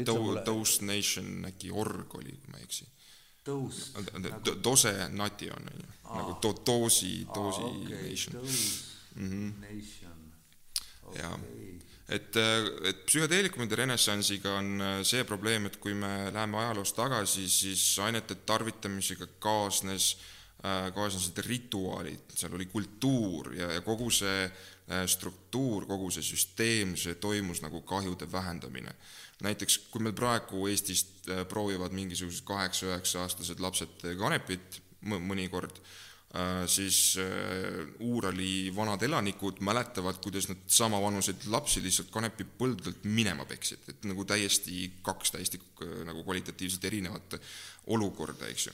ja see just nagu ilmestabki, et kui, kui vanasti oli sul mingisugune, ma ei tea, šamaan, teadur, kes iganes, on ju, kes teadis, kuidas seda kasutada, mis juhustel seda kasutada, mis vanuses seda kasutada, millises keskkonnas seda kasutada, millega kokku panna, missugused on doosid ja, ja nii edasi, ja nii edasi, ja nii edasi, siis praegu psühhedeelikumide kohta räägitakse, et noh, see on üldiselt hea, seal on hästi palju terapeutilisi potentsiaale, seda räägitakse tavainimestele, kellel siis jääb mulje, et oh, ma lähen ostan endale paar, paar nagu plotterit hapet, on ju, panen eh, kodus nii-öelda huule alla ja oota siis..., ütle nüüd see maakeeli ümber, see hape ja, on LSD. Ma, ma lähen ostan nüüd eh, paar LSD annust, pistan endale põske kodus ja siis mu elu on lill. et no tegelikult see võib üsna kurvalt ja üsna nagu halvasti juhtuda või noh, lõppeda, et noh, ma ei räägi sellest, et inimene läheb ja tapab ennast ära või midagi, see on, see on samamoodi niisugune pigem müüt, aga tal võivad tekkida mingisugused pikemad, pikemad nähud, nagu näiteks maania nojah, praegu on, ütleme, sellised juhtivad organisatsioonid nagu maps.org mm -hmm. ja, ja, ja veel, kus toimuvad siis juba, asjad on ikka kolmandas faasis, inimkatsed ja ja, ja, ja, ja, ja, ja, ja, ja põhiargumendina on noh, miks nad saavad neid teha, on just see posttraumaatilise stressihäired ja sellised asjad, mille vastu ja, ja, ja sõltuvused, see on kõige jaburam, et sõltuvuse vastu aitavad kõige paremini niinimetatud sõltuvusainsed. niinimetatud sõltuvusainsed.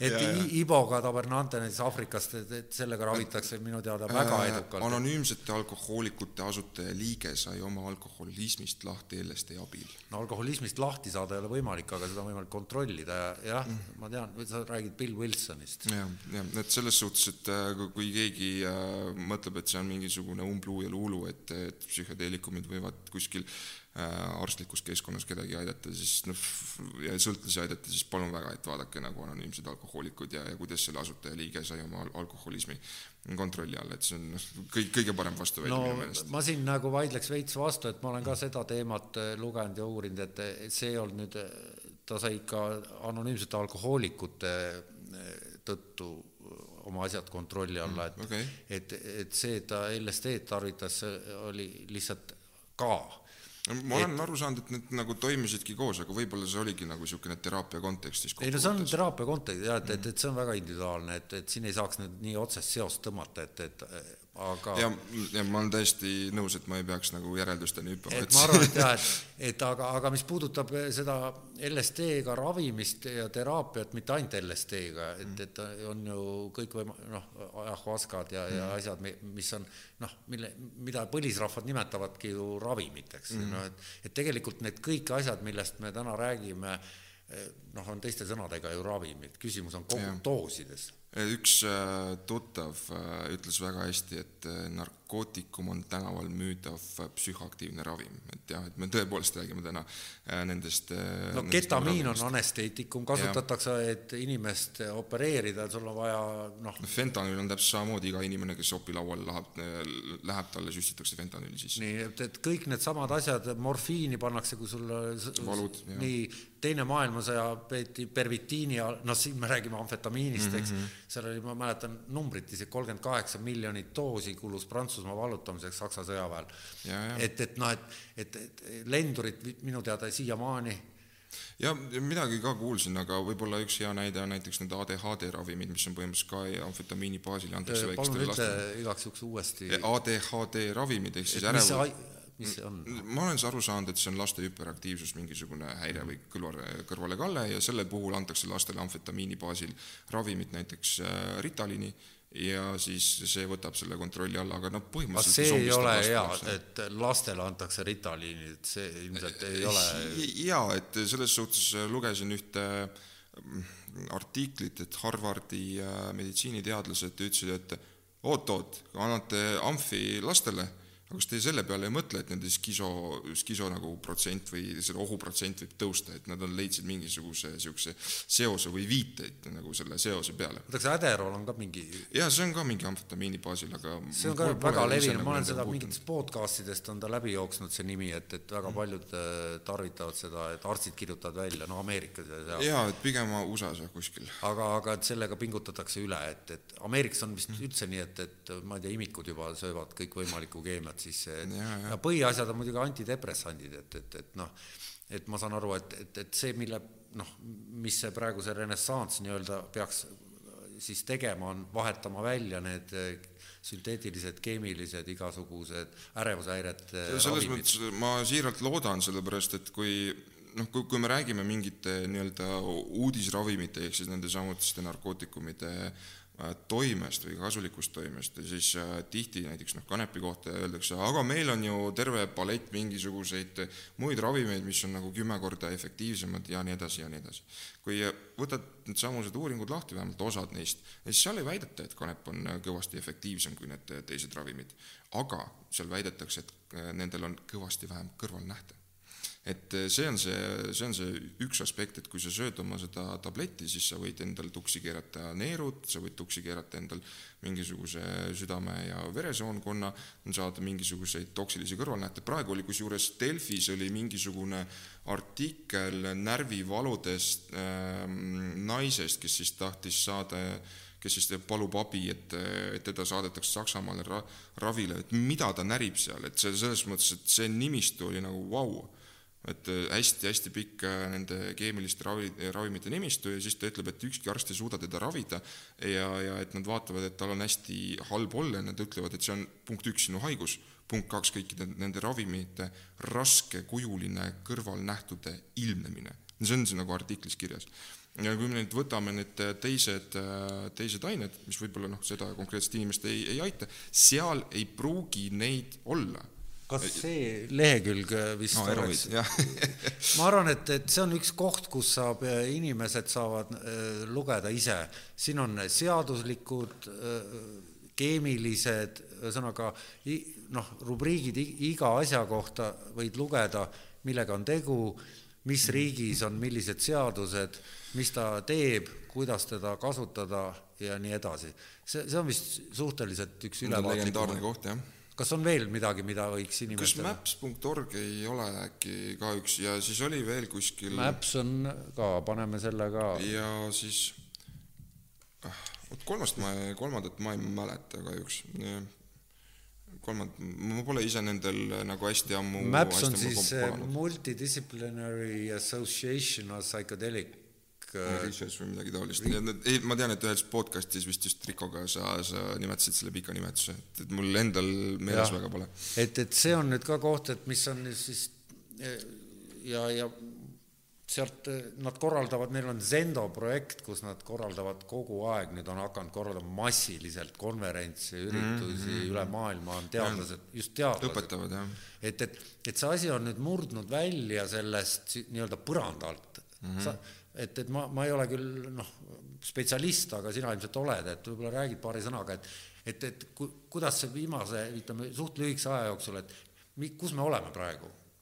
kus me oleme praegu, kuni Maailmas. me, kuni me mõistlikult suhtume kõikidesse taju ja muu, taju ja tuju muut-, muutuvatesse ainetesse või? ei, ei, ma mõtlen, et kus me oleme nii-öelda juriidilises plaanis või seaduslikus või ütleme, et noh, kui me võtame, et põra-, et me oleme harjunud sellega, et kogu see maailm on põrandaalune maailm, keelatud maailm mm, -hmm. ebasoovitav maailm ja tervisele kahjulik maailm mm. -hmm. nüüd on need Mapsid, Erovidid, asjad. no Eestis oleme me täiesti imikud, selles mõttes siin pole küsimustki, me pole vist isegi sündinud veel nagu selles, selles mõttes, et äh, ma käisin näiteks ravikanepi konverentsil, mis oli äh, tehtud, kohal olid Iisraeli arstid ja seal kohal oli rohkem arst, äh, aktiviste, kes olid asjast, asjast huvitatud, kui mingisugused meditsiinitöötajaid et noh, selles suhtes, et äh, kui me räägime nagu Eesti kontekstist, siis, äh, siis Eestis me oleme selle koha pealt imikud. ma tahaks nagu väga jääda sellisesse objektiivsesse raamistikku, et, et vaatajad ja kuulajad ei mõtleks, et meil siin on propagandasaade, mida, mida me küsiks selle sama mõtte taustalt, et,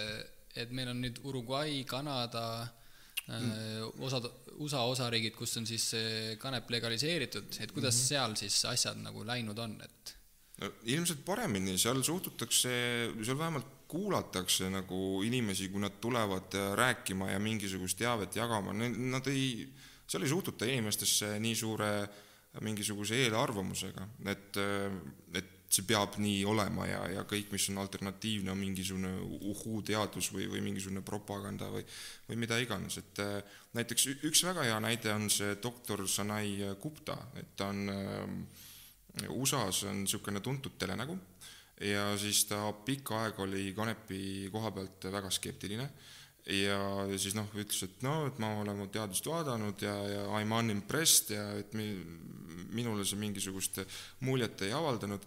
Ja siis äh, nüüd tuleb välja, et äh, ta hakkas ise vaatama neid asju natukene täpsemalt. Ja nüüd nüüd Kanep avaldas tema peale muljet, sisuliselt ta on vabandanud selle eest, et ta on ajanud Kanepi kohta kägu endiselt, noh varem. et selles suhtes ähm, Eestis, Eestis me kardame isegi ametlikku ravimit välja kirjutada, kui me räägime näiteks konkreetselt äh, kanepist.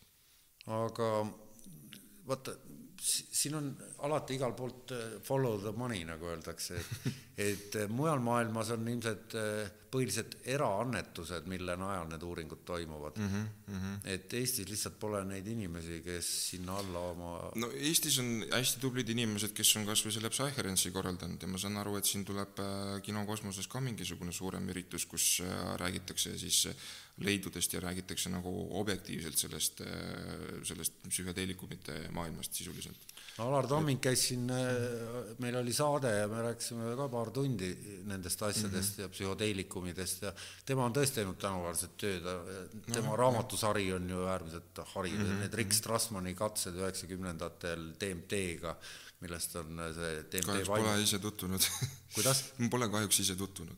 ei, see on ja. väga huvitav raamat DMT vaimumolekul, et seal on mm. kõik mm. lihtsalt katsed järjest, et mis mm. juhtus, kaameratega filmiti üles, kui inimesed ja, siis mis, mis, mida nad tundsid, nägid ja soovitav lugemisvara, et, et eesti keeles ilmunud ja no ma olen ilmselt nagu see näide, mida Tervise Arengu Instituut oma raportis viitab, et minu proovimised on suuresti lõppenud alganud ja lõppenud just kanepiga, et ma ei olegi tegelikult väga palju uurinud nagu teistest äh, ainetest ja teistest psühhedeelikumitest, kuna noh, ma ei näe sellel mingi, enda jaoks mingisugust praktilist väärtust.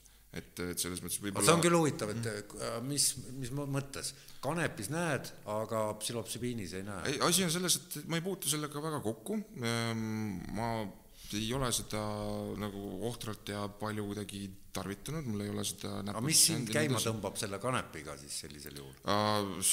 väga lihtne, enamus inimesi tõmbab käima äh, kanepi puhul see, et äh, nad jälestavad alkoholitoimet.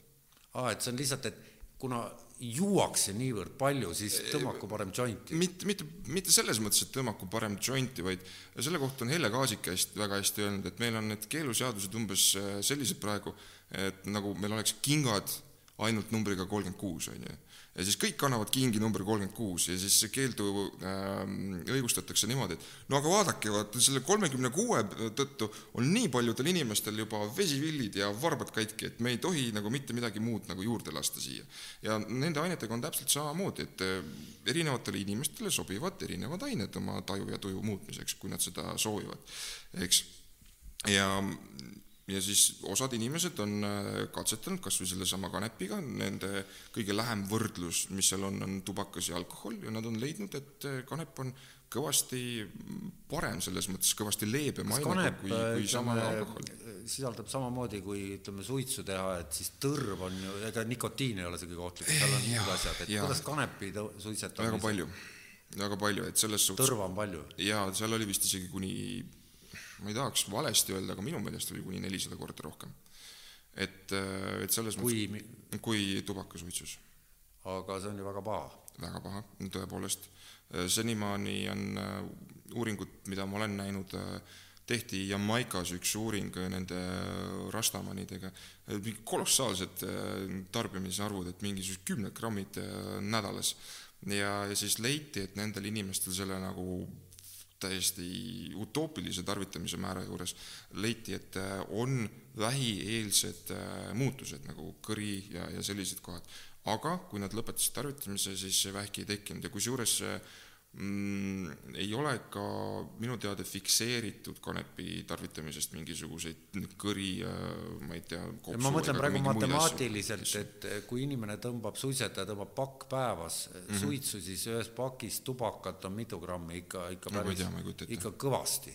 Et ma ei usu, et eriti keegi kanepit samas mahus tõmbab. ei, jumal hoia mitte, et selles suhtes. Äh, kakskümmend sigaretti, mis on ainult puhast õit täis topitud, seda ikka. meditsiinipatsiendid, aga, aga selles ju, sellel juhul on kõvasti mõttekam äh, tarvitada hoopis mingisuguseid õlisid või kontsentraate, et selles mõttes on noh, lihtsalt ebamugav näiteks esiteks. ma mõtlengi, et millised üldse need, noh, kõik teavad, kanepit suitsetatakse, no Amsterdamis shop'is müüakse jointe mm, -hmm ja mis kujul nagu siis? no küpsetamine on üks siis ja, ja siis võib-olla järgmine asi, mida kõige rohkem ütleme, laia, laias tarbes hakkame nägema, on vaporiseerimine. see on et, siis need äh, nii-öelda e-suitsud? ei, mitte, mitte need vedelikuga e-suitsud, vaid et seal äh, vaporisaatoris isegi noh, umbes nii suures mm. on siis äh, sees niisugune keraamiline kamber, kus on kütteelement sees, sa paned sinna kanepi sisse, see kuumeneb ainult kuni kakssada kakskümmend kraadi. Ja, ja näiteks DHC vabaneb juba saja kaheksakümne kraadi juures, ehk siis sa kuumutad sealt ja aurustad sealt neid toimeaineid välja, sa ei tekita põlemisprotsessi, mis tekitab omakorda tõrva. et siis tõrv jääb välja, toimeained saad kätte ja see on, see on isegi kuluefektiivsem viis, ühelt poolt see on tervisele parem tarvitamise viis, teiselt poolt ja, ja ma ütleks, et kui praegu suitsetad, eks ju, siis äh, osa sellest mõjust tuleb kindlasti ka hapnikupuudusest, et sa tõmbad ju endale sisse läbi selle papitüki seal hästi palju tossu. et sul tekib hapnikupuudus, hapnikupuudus äh, omab ka nagu mingisugust, mingil määral nagu joovastavat toimet, natukene hägusamalt tunned ennast halvemini, näiteks äh, tunned ennast, et see jääb vaporiseerimise puhul ära. et, et selles mõttes seda, see on kindlasti soovitatavam ja siis eh, sealt edasi on juba igasugused õlid, tinktuurid, eh, kontsentraadid, nagu sellised asjad. see on siis äh, niisugused väiksed pudelid, kümme milligrammi. nojah, praegu ütleme apteegis müüakse, need on piiritsa baasil tinktuurid. jaa, näiteks, aga võib-olla ka äh. Võib ka teistmoodi olla. veisisüdamed, ilgad, niisugused asjad, need on mingi seitsmekümne kraadised piirituse. ja, ja sellised on, aga on ka sellised, et äh, kanepi, äh, kanepist on nagu ekstraheeritud see toimeaine ja õli siis äh, ära lahustanud, ma olen aru saanud, et CBD õlid ongi enam-vähem niimoodi tehtud.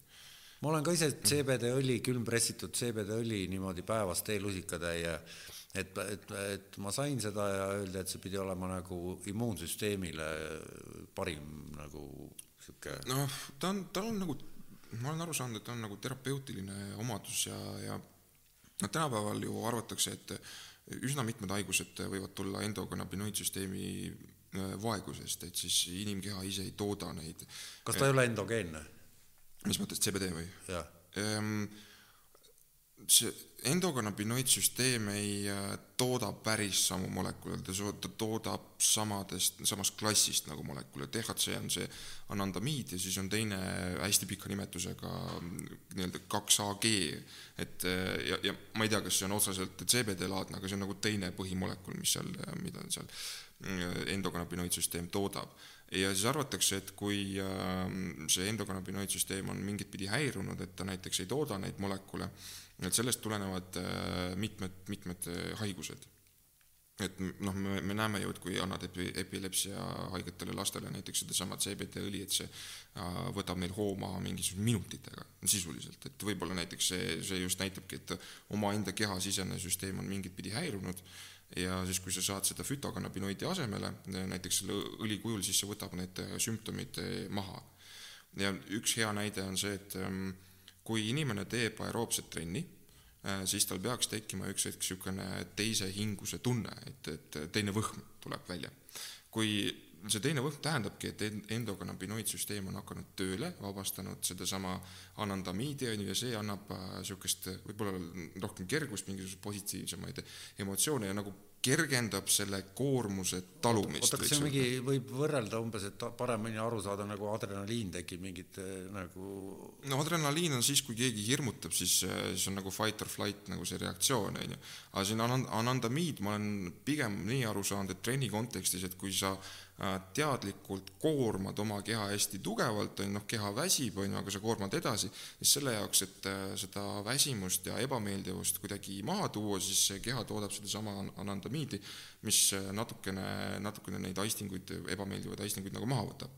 ja kui sul ei teki seda teist võhma, siis see on näiteks, see võib olla indikaator, et seesama endokannabinoidsüsteem mingit moodi ei tööta et, et noh, see on näiteks üks niisugune näide, et kui sa võtad siis näiteks trenni ajal või peale trenni siis sedasama endokannabinoidi, siis sa, no mitte endokannabinoidi, vaid siis noh, kannabinoide, siis see võib näiteks ära minna. et ühte isikut tean, kes on väitnud, et tema sai mm, tema sai nii oma lojusest elust üle, et ta tegi trenni, ta ei suutnud sellest mitte mingisugust kaifi tunda, siis ta tarvitas kanepit, tegi samamoodi trenni ja, ja kuidagi mõne aja pärast ta hakkas nagu trennist äh, mõnu tundma siis ta, trenni tegi kanepi nii-öelda ütleme siis laksu all või? vot seda ma ei tea, kas ta ju konkreetselt joobes tegi, aga mõned äh, inimesed on mulle kirjutanud, et nad teevad enne jõusaali küll, jah enne jõusaali kanepit, see on küll väga veider kombinatsioon. ei no Joe Rogan räägib näiteks, et äh, tema teeb kogu aeg niimoodi ja kusjuures siis jõusaalis paneb nagu täie tambiga et hästi, hästi mitmed inimesed on, on nagu seda kirjeldanud. See on, see on küll huvitav, sest et eh, noh, minu kogemus ütleb, et autot juhtida küll ei saa Äh, see on ka auto, vist pe- individuaalne. auto juhtimisega, no minu et see reaktsioon, no et ma toon paralleeli trenni tegemisega, et noh, et kuidas ma seal orienteerun nii väga, et see on rohkem niisugune lebotamise asi. no see ongi hästi individuaalne, et see sõltubki sellest äh, kanepi nendest liikidest, mis äh, nagu näppu satub ja, ja kuidas see sinu individuaalsele füüsisele äh, mõjub, eks, ja, ja mõned inimesed on leidnud küll, et see hoopistükkis ergastab neid, et mõned inimesed kirjutavad, et nad hakkavad näiteks koristama või kokkama või, või lähevadki trenni tegema, lähevad jalutama, ma tean seltskonna, kes käib diskgolfi mängimas näiteks metsas ja, ja noh, käivad koeraga jalutamas hästi paljud tegelikult. Et, et see ei ole nagu, seda võib-olla saakski näiteks võrrelda läbi selle teise võima paradigma, et sa kujutad ette, et näiteks sa tuled peale kaheksa tundi mingisugust tööd koju, nad on rämps väsinud, sa tegelikult peaksid veel tööd tegema, täpselt samamoodi mingisuguse koristamise ja mingisuguste äh, argiste toimetamiste näol, ja sa ei jaksa lihtsalt no sa oled läbi omadega selles suhtes, et äh, sa oled juba neli päeva käinud näiteks niimoodi tööl, iga päev on olnud hästi raske ja, ja sa lihtsalt äh, noh, ei ole seda, võtta kuskilt seda rõõmu, oh jee, nüüd hakkan no, no. endal nõusid pesema, on ju, noh, niisugust asja ei, ei tule. ja, ja siis äh, nad võtavad, tarvitavad ja siis tegelevad oma argiste asjadega. aga kas see nüüd ei ole nüüd see koht, kus on sordis kinni? Tõenäoliselt on, nii individuaalselt kui ka sordis kinni ja ma mõtlen, et kuna seda infot kellelgi üldse ei ole, kuna see kõik on keelatud ja põranda all, et siis tegelikult me oleme nagu väljaspool seda, kogu seda suurt laia maailma mm, -hmm. millest see ju koosneb, me räägime justkui me räägiks ühest ja samast asjast nimega kanep, tegelikult see kanep jaguneb ju jaa väga, nagu... nagu enne juttu oli, mingi kuuskümmend sorti oli seal Kristjanias müügil. ja, ja neid on hästi palju, jah. et need on ju kõik erineva toimega asjad, üks paneb nõusi pesema, teine paneb lebotama, et ja, täpselt nii kolmas ongi. mõtlema, nelja, tähendab, millest saate alguseski oli juttu, mis peaks olema konkreetne nüüd selle saatega selgeks, selgemaks saama, on see sama Excel Plus, miinused. miinused ja plussid mm. -hmm. et, et, et me saame plusside juurde, me oleme nüüd põhiliselt rääkinud ei, me ei ole põhiliselt plussidest rääkinud, me oleme miinustest ka ikka rääkinud, mis meil miinused olid, skisofreenia oli miinus. skisofreenia. paranoia kindlasti. no see on jälle, et miinused on pigem mingites hästi nagu konkreetsetes raamides, et kui sa väärkasutad sisuliselt, siis, siis sa saad miinused, aga siis sa oled ise loll, et sa väärkasutad, et siin, siin nagu muud selgitust väga, äh, väga ei ole aga plusside koha pealt, äh, kui sa oskad mõistlikult äh, tarvitada, siis üks kindel pluss, mis on, et on hea unerohi. Ja kui sa saad näiteks oma unetsüklid rohkem korda, see väljendub selles, et sa oled hiljem rahulikum, sa oled tööl näiteks produksi-, produktiivsem, sa oled natukene emotsionaalselt äh, stabiilsem ja seetõttu sinu elukvaliteet võib paraneda aga mis sa, näiteks selline asi. aga mis sa rääkisid ennem küpsetamisest, ma olen ka ühe korra mm., see oli Ameerika Ühendriikides kunagi ammu seal San Francisco'l seal Berkeley ülikooli juures on üks tänav Telegraph Street, kus niisugused mm -hmm. rastamehed müüsid siukseid kakukesi viis dollarit tükk ja see, ma ostsin ühe, sõin ära siis kaheksa tundi, ma olin nagu inglise keeles stoned, et nagu ja, kivis, et ma ei olnud ei reibas ega midagi, vastupidi, ma olin selline apaatne, aga niisugune, aga hästi rahulik. Ja no selles mõttes. mõjus ei ole kaua aega ja see, mm, ütleme, söömine on täiesti teistsugune teema tegelikult. aga räägi lahti võib-olla. asi on selles, et söömise puhul see DHC molekul tegelikult muutub teistsuguseks DHC molekuliks, et neid pikki nimetusi ma väga vabandan, ei tea, aga, no... aga, aga selles suhtes see, see mm, tavaline, kui, kui klassikaliselt tarvitada, siis see on see delta üheksa DHC, on ju, mis, mis mõjub, et tal lihtsalt lendub see happe osa sealt ära ja, ja siis ta muutub psühhoaktiivseks. kui äh, kui küpsetada, siis täpselt samamoodi DHC, see delta üheksa DHC alguses muutub äh, psühhoaktiivseks, ehk siis happe osa täpselt samamoodi lendub ära, see on seesama dekarboksüleerimine, aga peale esmast maksapassaaži, ehk siis äh, keha noh, maksa, maksa mingite molekulide ja muude, ma ei tea, hapete või mille iganes all, see molekul natukene muutub ja see muutub delt-, üksteist DHC-ks üksteist DHC. no ja, ja see, ja see üksteist DHC ta läbib äh, aju-vere barjääri lihtsamalt. mis see tähendab, läbib aju-vere barjääri? imbub paremini verre? ütleme, imbub paremini verre ja, ja ütleme, need kannabinoidide kontsentratsioon ajus tõuseb rohkem. ma olen nii no see hakkab pähe paremini, rohkem. paremini on ei, ei see on väga, väga libe tee. ei, me ei saa hea-halb siin nagu, selles suhtes jaa, et, et, nagu et see nagu raamides. läheb äh, rohkem sellest läheb nagu aiu, sellest äh, toimeainest endast mm.. sest kui, kui sa põlema paned, siis osa lendub sealt lihtsalt minema, sest et sa põletad osa ära, et kuussada kaheksakümmend kraadi on ilmselgelt liiga palju kannabinoidide jaoks. aga kui sa selle sama koguse ära sööd, siis sa tegelikult saad rohkem toimeainet, see muutub äh, tugevamaks toimeaineks ehk siis üksteist DHC-ks ja, ja siis sa saadki oma kaheksa tundi, sellepärast et see mõjub sinu retseptorile. aga kas seal on ka sordivahe ilmselt siis, et üks teeb erksamaks, teine teisest, see, mida mina sõin, ma olen ühe korra seda söönud ja siis oli nii, et, et ma olin nagu ma mäletan täpselt, et jaa, ma tean, et, et niisugune no ongi, ma ei oskagi seda. Et selles mõttes ta, ta on ebatavalisem, et see, see on võib-olla mingil määral paralleele võiks tõmmatagi psühhedeelikumidega, et sul peab olema keskkond, sul peab olema vaba aega kindlasti ja, ja siis sa noh, peab olema mingi nagu põhjus, miks sa seda teed. Ja, ja siis, kui sa teed seda mingisuguse ettevalmistusega, et sa lihtsalt mitte lambist, et oo, täna ma peaksin tööle minema, aga enne ma sööks kanepiküpsist, on ju. et kui, kui sa just niimoodi ei tee, siis siis ilmselt sa suudad sellest kogemusest kuidagi midagi nagu paremini aru saada. me jõuame väga niisuguse moodsa termini juurde mm. nagu microdosing ehk mikrodoseerimine, et, et on näiteks sama kanepi, ütleme šokolaad näiteks.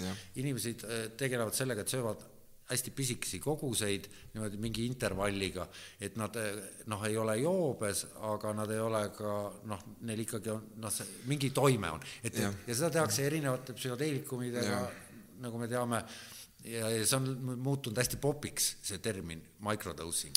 et, et kas sa oskad äkki niimoodi lahti rääkida, et kuida-, kas see on ka kanepimaailmas äh, teate, mõned inimesed väidavad, et nad äh, teevad seda aga, aga siin on just see, et on hästi keeruline kvantifitseerimine, mida see microdosing tähendab, kuna me tegelikult ei tea mitte kellegi toimeainete sisaldusi. et eh, kui me räägime täna, kui palju inimesed kanepit eh, tarvitavad, siis me saame rääkida kõige täpsemalt grammidest, me ei tea, missugune on seal DHC protsent sees, missugused on teised molekulid, missugused on teised terpeenid, mingisugused aromaatsed ained, mida iganes. no kas Kanadas nad teavad?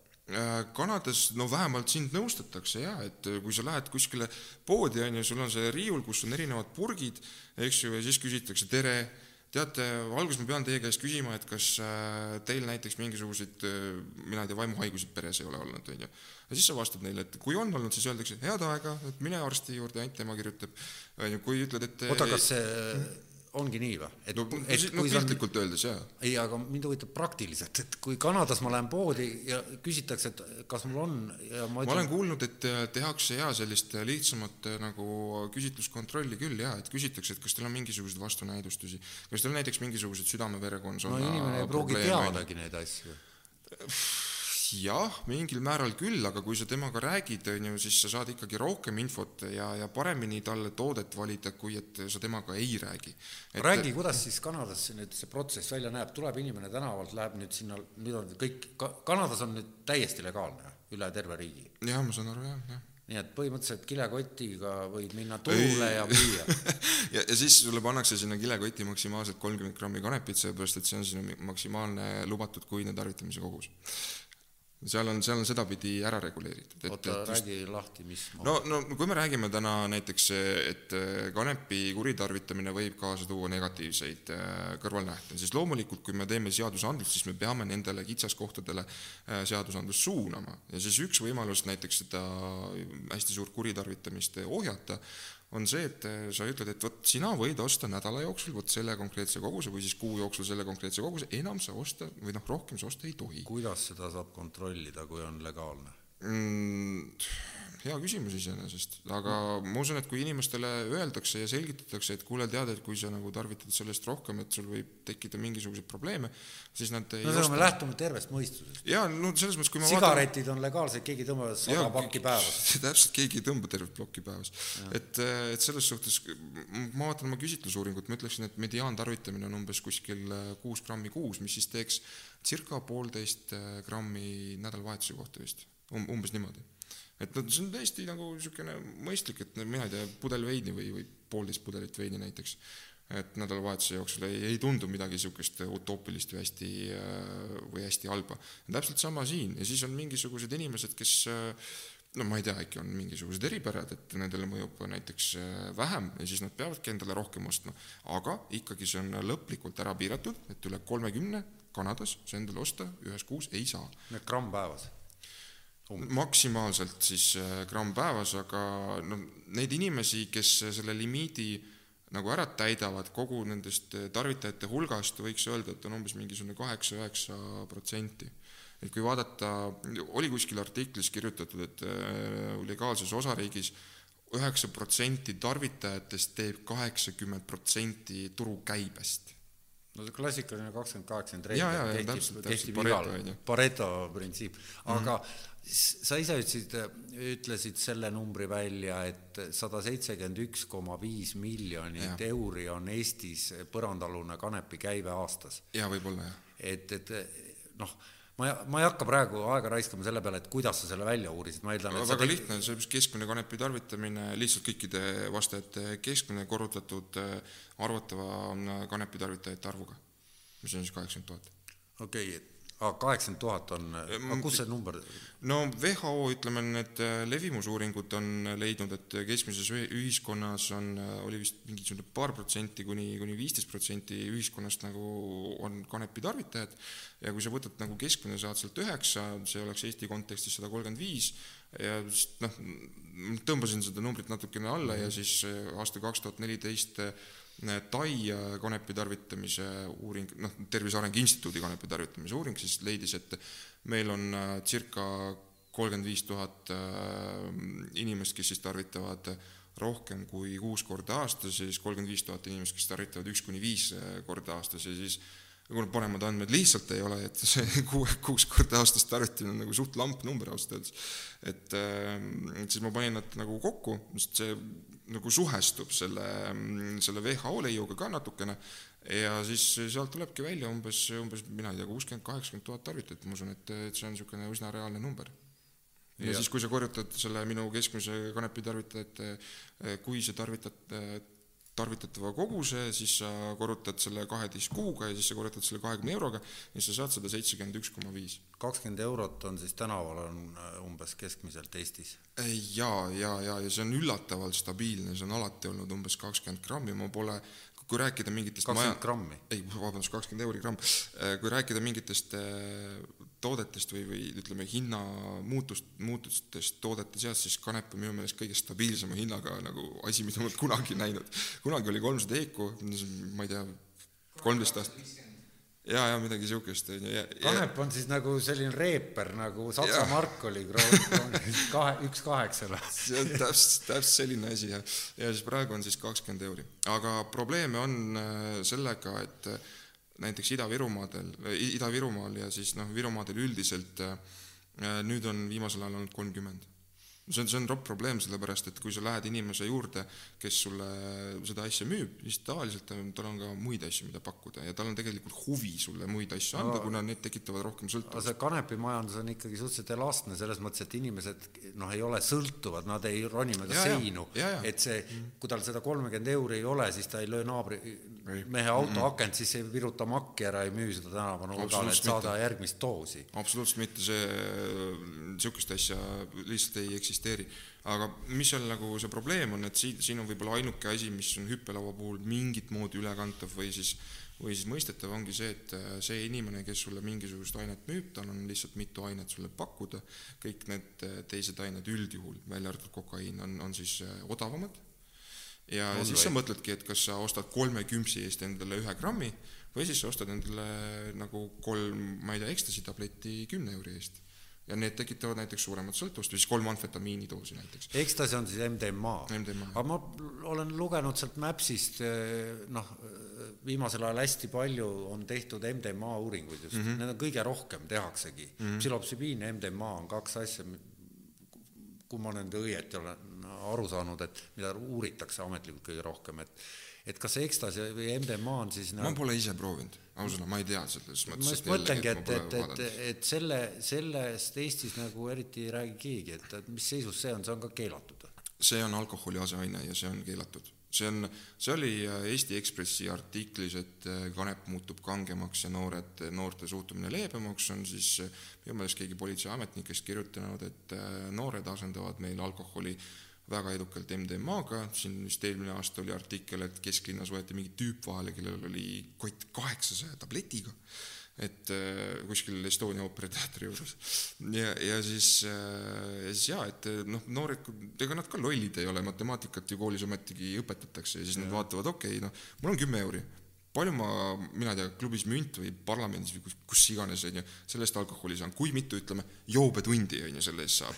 hea väljend, joobetund. no, no näiteks on ju. juba tekivad sellised head konstant. no see, niisugust jaa, et selles mõttes mingi mõõtühik, on ju. et, et äh, ma saan sellest, no mina ei tea, kokteili või siis kaks tükki heal juhul, on ju, kui keegi veel natukene juurde viskab või me klapime. ja siis ta mõtleb, aga kui ma ostan tableti, on ju, siis ma saan terve õhtu olla nii-öelda joobes on ju, ja siis võib-olla järgmine päev pole veel nii halb ollagi. ja, ja siis, siis ta mõtlebki, aga noh, miks ma siis peaksin alkoholi ostma, on ju, siis ta lähebki ja ostabki selle tableti.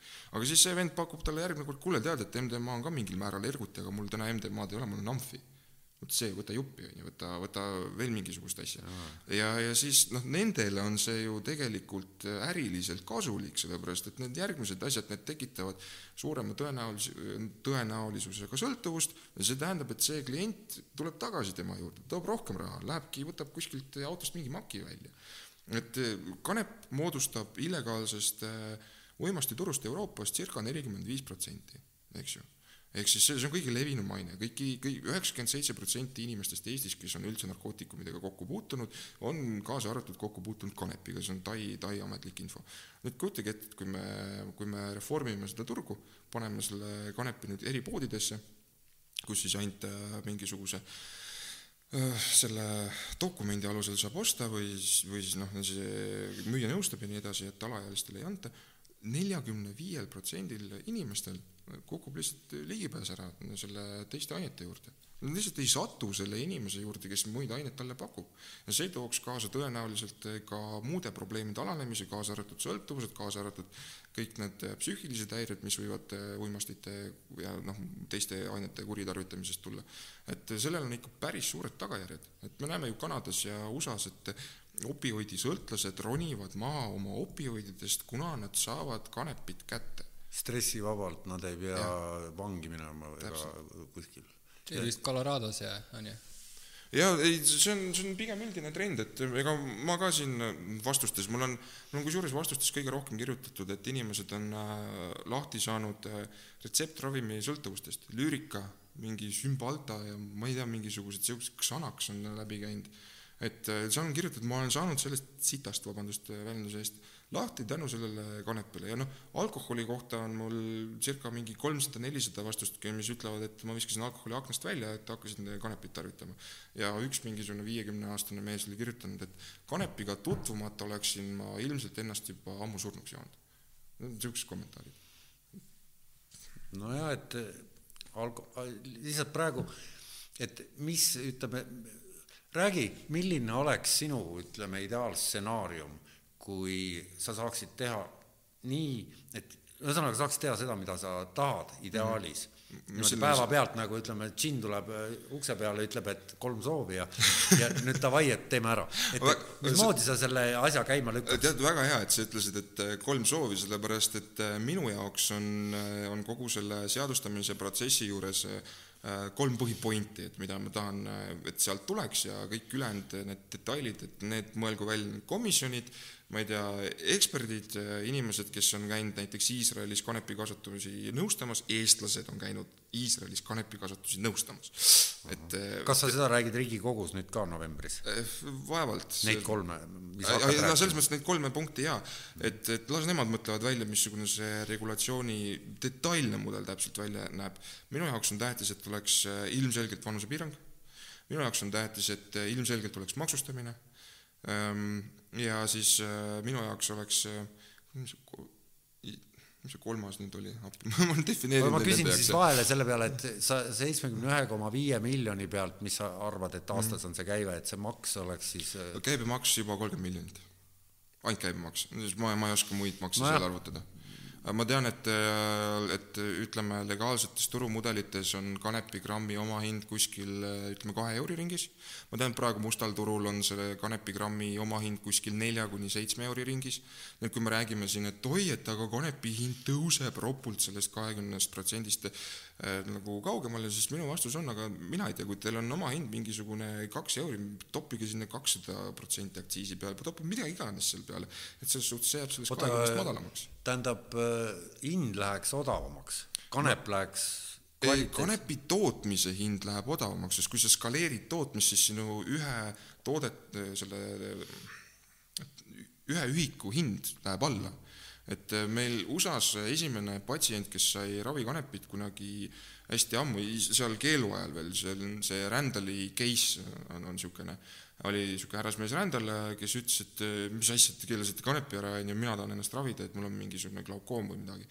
ja, ja siis võitleski välja endale eriloa, et, et, et raviti. ja siis tema nagu selles loos on kirjas, et selle ühe, ma saan aru, et selle kanepi äh, suitsu hind, mis talle nagu anti, just nagu ametlikest allikatest, et tema jaoks kasvatati spetsiaalselt ja nii edasi, et selle hind oli null koma kakskümmend dollarit, noh, kakskümmend seda penni või senti või mis no viina hind on ka alla euro, raudselt on äh, liiter, äh, noh, krooni all oli alla krooni, ma mäletan okay., oli ilma maksudeta. ma tean, ma mm. puutusin kokku selle majandusliku poolega kunagi, et, et ekspordiks viin oli mm. liiter oli alla ühe krooni omahind. noh, ja, kõik see on maksud ju ja, ja millest see koosneb? no viinaga on ilge probleem see, et äh, näiteks mis mulle nagu väga ei meeldi, on see aktsiisipoliitika kajastamine, et see oleks nagu mingisugune ilge rahaleht, mida kogu aeg lüpsta. kui te vaatate Siseministeeriumi alkoholifaktilehte, siis te näete, et alkoholi põhjustatud kahju on suurusjärgus nelisada üheksakümmend kaheksa miljonit eurot aastas ja aktsiisist me saame sealt tagasi umbes kakssada viiskümmend. ehk siis, kui me räägime alkoholipoliitikast, siis see on permanentselt kakssada viiskümmend miljonit krooni miinuses okei okay., ja kanepiga? aga vot kanepiga ei kaasne nii palju probleeme, et selles suhtes kanepiga ei kaasne tuhandet äh, surma aastas, kanepiga ei kaasne maksatsirroosi, kanepiga ei kaasne äh, konkreetseid äh, ajukahjustusi, et ja, ja isegi kui, kui kaasneb, siis sa pead nagu tõsiselt pingutama selle nimel, et sa saaksid selle mingisuguse, mingisuguse tervisekahjustuse. no kui meil need tervisekahjustused ära kukuvad ja me räägime praegu ainult täiskasvanute tarvitamise paradigmas, eks ju, siis, siis kuskohast need kulud tulevad? et, et noh, ma, ma, ma nagu ei näe seda kohta, mis, mis peaks tekitama meile äh, sedasamust, ütleme, alkoholiga võrdväärset äh, miinust. oota, äh, siin ongi minu arust üks hea koht, kus väga selgelt välja öelda see, et kas ja kui, siis kui palju ja kuidas, et on seesama plussid ja miinused, et, et kanepi tarvitamise ütleme, alkoholi puhul me teame, mis, mis see teeb. aga nüüd kanepiga, et et kui see on legaalne, siis majanduslikus mõttes ma saan aru, riik saab maksuraha ja, ja rahva tervise seisukohalt. Nüüd need psühhoosid, skisojuhtumite arvu, mis on noh, kindlaks tehtud see kahe, kaheksakümne tuhande tarvitaja puhul, kui palju, kui on, kõik saaksid seda vabalt kätte oma perearstide käest mm -hmm. ilma probleemi, ilma et nad peaksid sotsiaalselt ennast tundma nagu ala, noh, kartma, et ja, ja, ja, vaadatakse viltu nii, et see just, muutuks just. nagu, ütleme, üleöö oleks nii, et keegi ei mäletagi enam, et see oli illegaalne. et, et no mõttes... mis siis, mis siis oleks? Ütleme, kui, kui homme oleks, kui homme oleks seadus nagu tehtud ja inimesed võiksid kodus privaatselt tarvitada, siis tänavapildist ei muutuks mitte midagi. et mõned inimesed kardavad, et oi, et meil on igal pool kõik mingisugused kivipead laiali ja ei, aga rahva tervis? aga rahva tervise osa pealt ma ei, ma ei oskagi öelda, tõenäoliselt äh, inimesed äh, vahet, üsna mitmed inimesed vahetaksid oma mingisugused antidepressandid või siis alkoholi välja ja see siis tooks äh, alla mm, nende alkoholi kahjude kulud. Ühes osariigis leiti, et meditsiinilise kanepi kättesaadavus, noh, arvestame, et osariikides on meditsiinilist kanepit väga kerge kätte saada, sa lähed arsti juurde, ütled, et ma tulen ennast halvasti, ma tahan kanepit saada, no põhimõtteliselt kirjutatakse välja, et see on mm., meie mudelis võiks see juba olla nii-öelda see rekreatsiooniline legaliseerimine või, või siis noh, seadustamine see, mis on neil seal äh, meditsiiniline. ühesõnaga, seal osariigis leiti, et alkoholi tarbimine alanes äh, viisteist protsenti.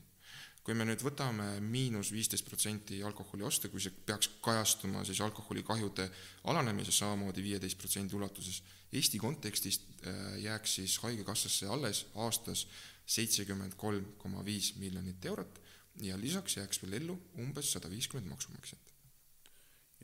et ja nüüd pane see juurde näiteks sinna selle saja seitsmekümne ühe koma viie miljoni äh, käibemaksustamise peale, sa saad juba kasumit või siis noh, Jah, seda nagu arvan- saja miljoni ulatuses. aga kas sa tead, kui suured on alkoholikaubanduse kasumimarginaalid? siis pole õrna aimugi. ma arvan, need on väga suured. Ma arvan, jah. oluliselt suuremad kui need numbrid, mis sa praegu ütlesid, ma arvan, et seal on üks oluline koht. no see on see, et aga siin on täpselt seesama argument, mida siis Tõnis Mölder rääkis, et et äh, oi, et me ei saa nagu pff, eksperimenteerida oma nagu rahva peal, no vabandust väga, teil on praegu ju, alkohol on, alkoholiga te eksperimenteerite. tubaka death toll nagu surmaarv aastas, eestlaseid kaks tuhat, alkohol tuhat, igasuguseid mingisuguseid äh, neid samuseid psühhohäireid äh, alkoholist aastas on nagu suurusjärk samamoodi tuhat. mitu tuhat inimest me juba praegu üle loeme siin ja siis me räägime, et meil on sündimus negatiivne.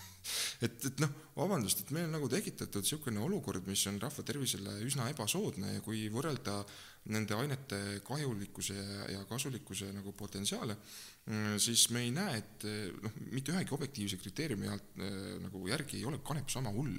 kanep on hull siis, kui seda tarvitavad alaealised suurtes kogustes ja kusjuures tänavakraami, mis võib olla üle pritsitud juukselakiga, üle lastud mingisuguse tuhksuhkruga, võib klaasipuru sees olla, või siis Saksamaalt äh, imporditud kanepis on leitud, et see on piserdatud plastikmikropelletitega.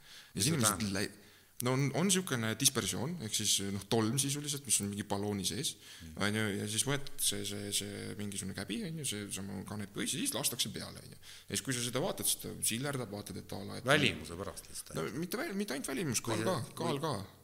Aga kaal No aga, mitte see-, mitte mingi psühhoteelne mingi... ei, ei, ei, su psühhedeelne ammugi mitte, pigem, pigem see tekitab roppu tervisekahjustusi. ma juba mõtlen selle peale, et kui, kui sa oled teinud kunagi suhkrust karamelli, on ju, ja sa oled selle suhkrulusikat üle hoidnud, suhkruvatti teinud aga kui sa karamelli teed, kui sa hoiad suhkrut liiga palju tule peal, siis see on põhimõtteliselt nagu suitsupomm, on ju. kujutad ette, et keegi laseb su-, tuhksuhkurt sul kanepi peale ja siis keegi läidab seda ja siis tõmbab seda kõike endale kopsu, noh. no see, see on nagu julm. kõike seda saab ära võtta, kui sul on seadustatud turg. sul ei müü mitte ükski litsenseeritud pood mingisuguse juraga üle lastud taime.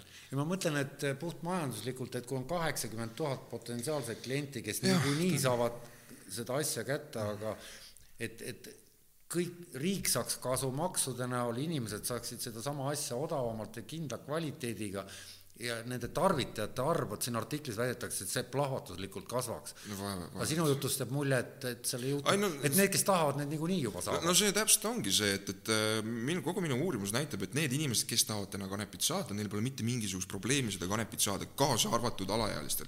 no kurat küll, meil on, ma olen inimesega kohtunud, kes proovis kanepit kuueaastaselt.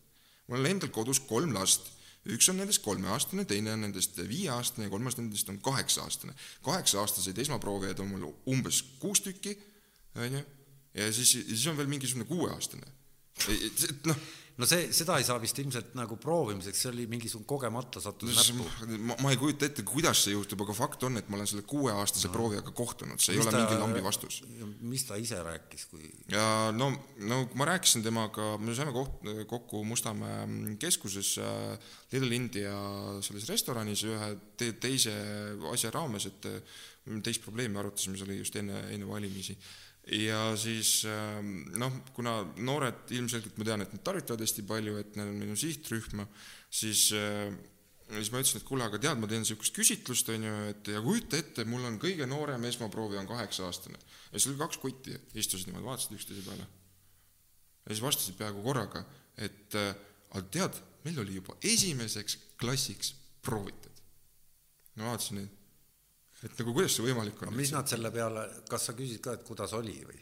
ja ei, ma ei küsinud, kuidas oli, et ma küsisin, kus ja kuidas, on ju, ütles Kopli. no siis Kopli mulle, et selles suhtes, nad olid mingi kakskümmend kaks või midagi ja siis proovinud kuueaastaselt. ma ise elasin äh, väiksest peast Koplis. ma ka.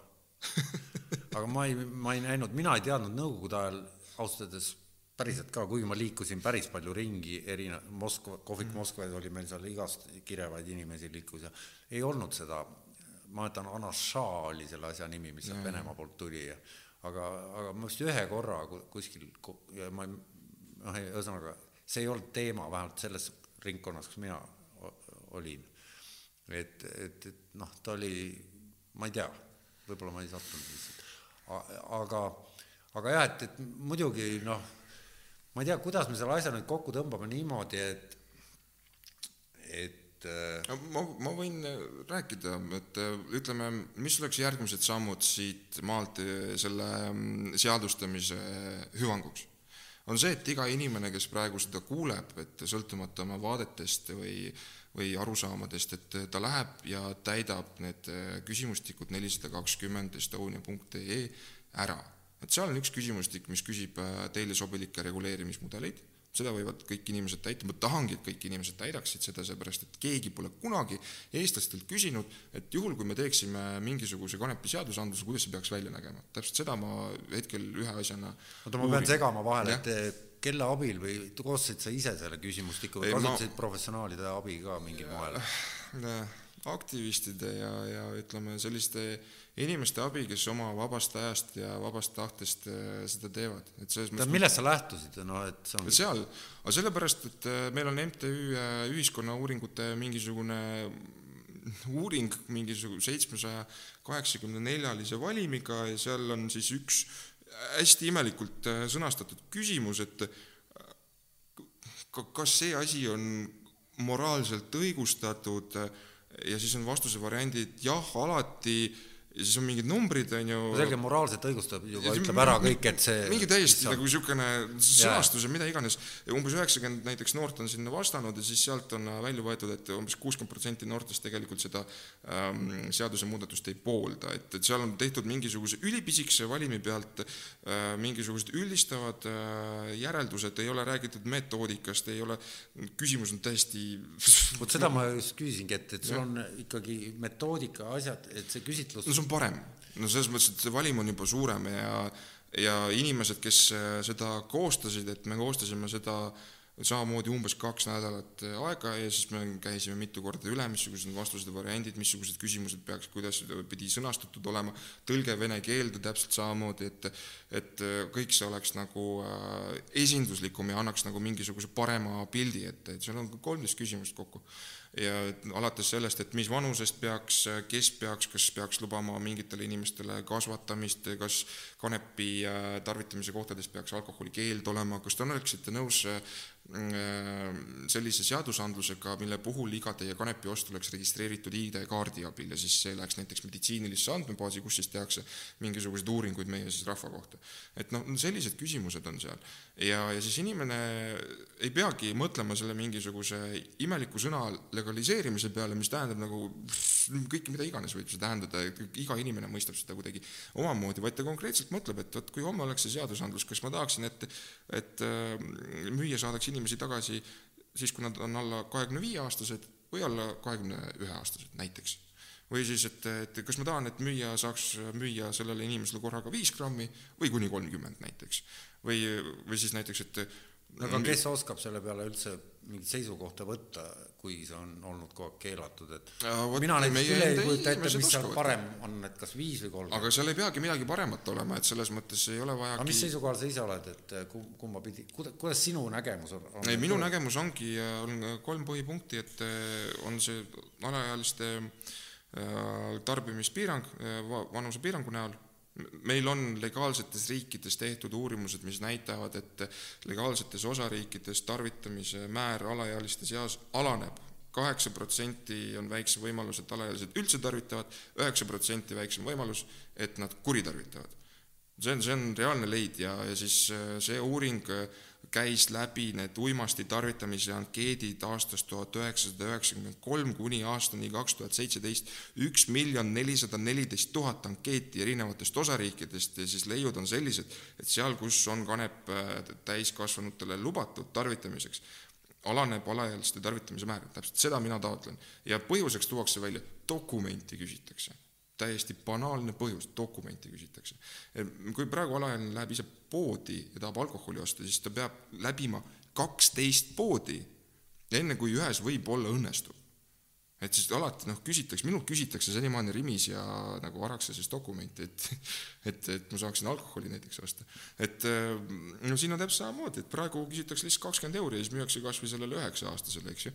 aga kui on dokument, siis, siis lihtsalt seda, siis peab olema täiesti niisugune stressivaba, et see, et ja. ma, ma ennast identifitseerin kui kanepiostja, peab olema igatepidi mm -hmm. noh, saad aru, mis ma silmas pean? ei, ma saan aru, et selle, selles suhtes, et sa võid seda ID-kaardiga teha, aga noh, see sõltubki sellest seadusandlusest, mis, mis sealt kokkuvõttes välja äkki kunagi tuleb.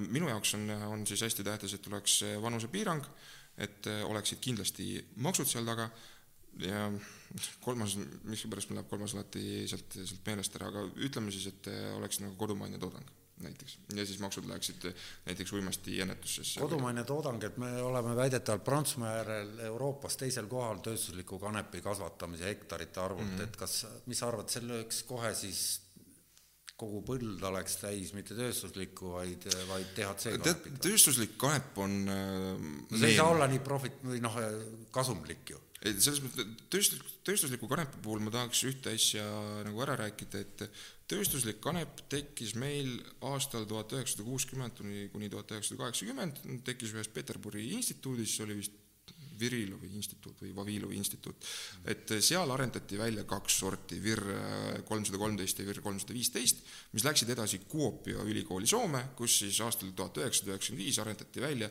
meie niinimetatud tööstuslik kanep Finole, kus on siis äh, alla null koma kahe protsendi DHC-d. nüüd, kui see Finole panna praegu kasvama kuskile põllu peale, siis umbes poolel põllul on see DHC sisaldus suurem kui seesama null koma kaks. mis me sealt järeldame, looduses ei eksisteeri selliseid kanepisorte, kus oleks nii väike DHC määr, isegi see nii-öelda aretatud GMO või mis iganes see, see Finola, Finola sort on.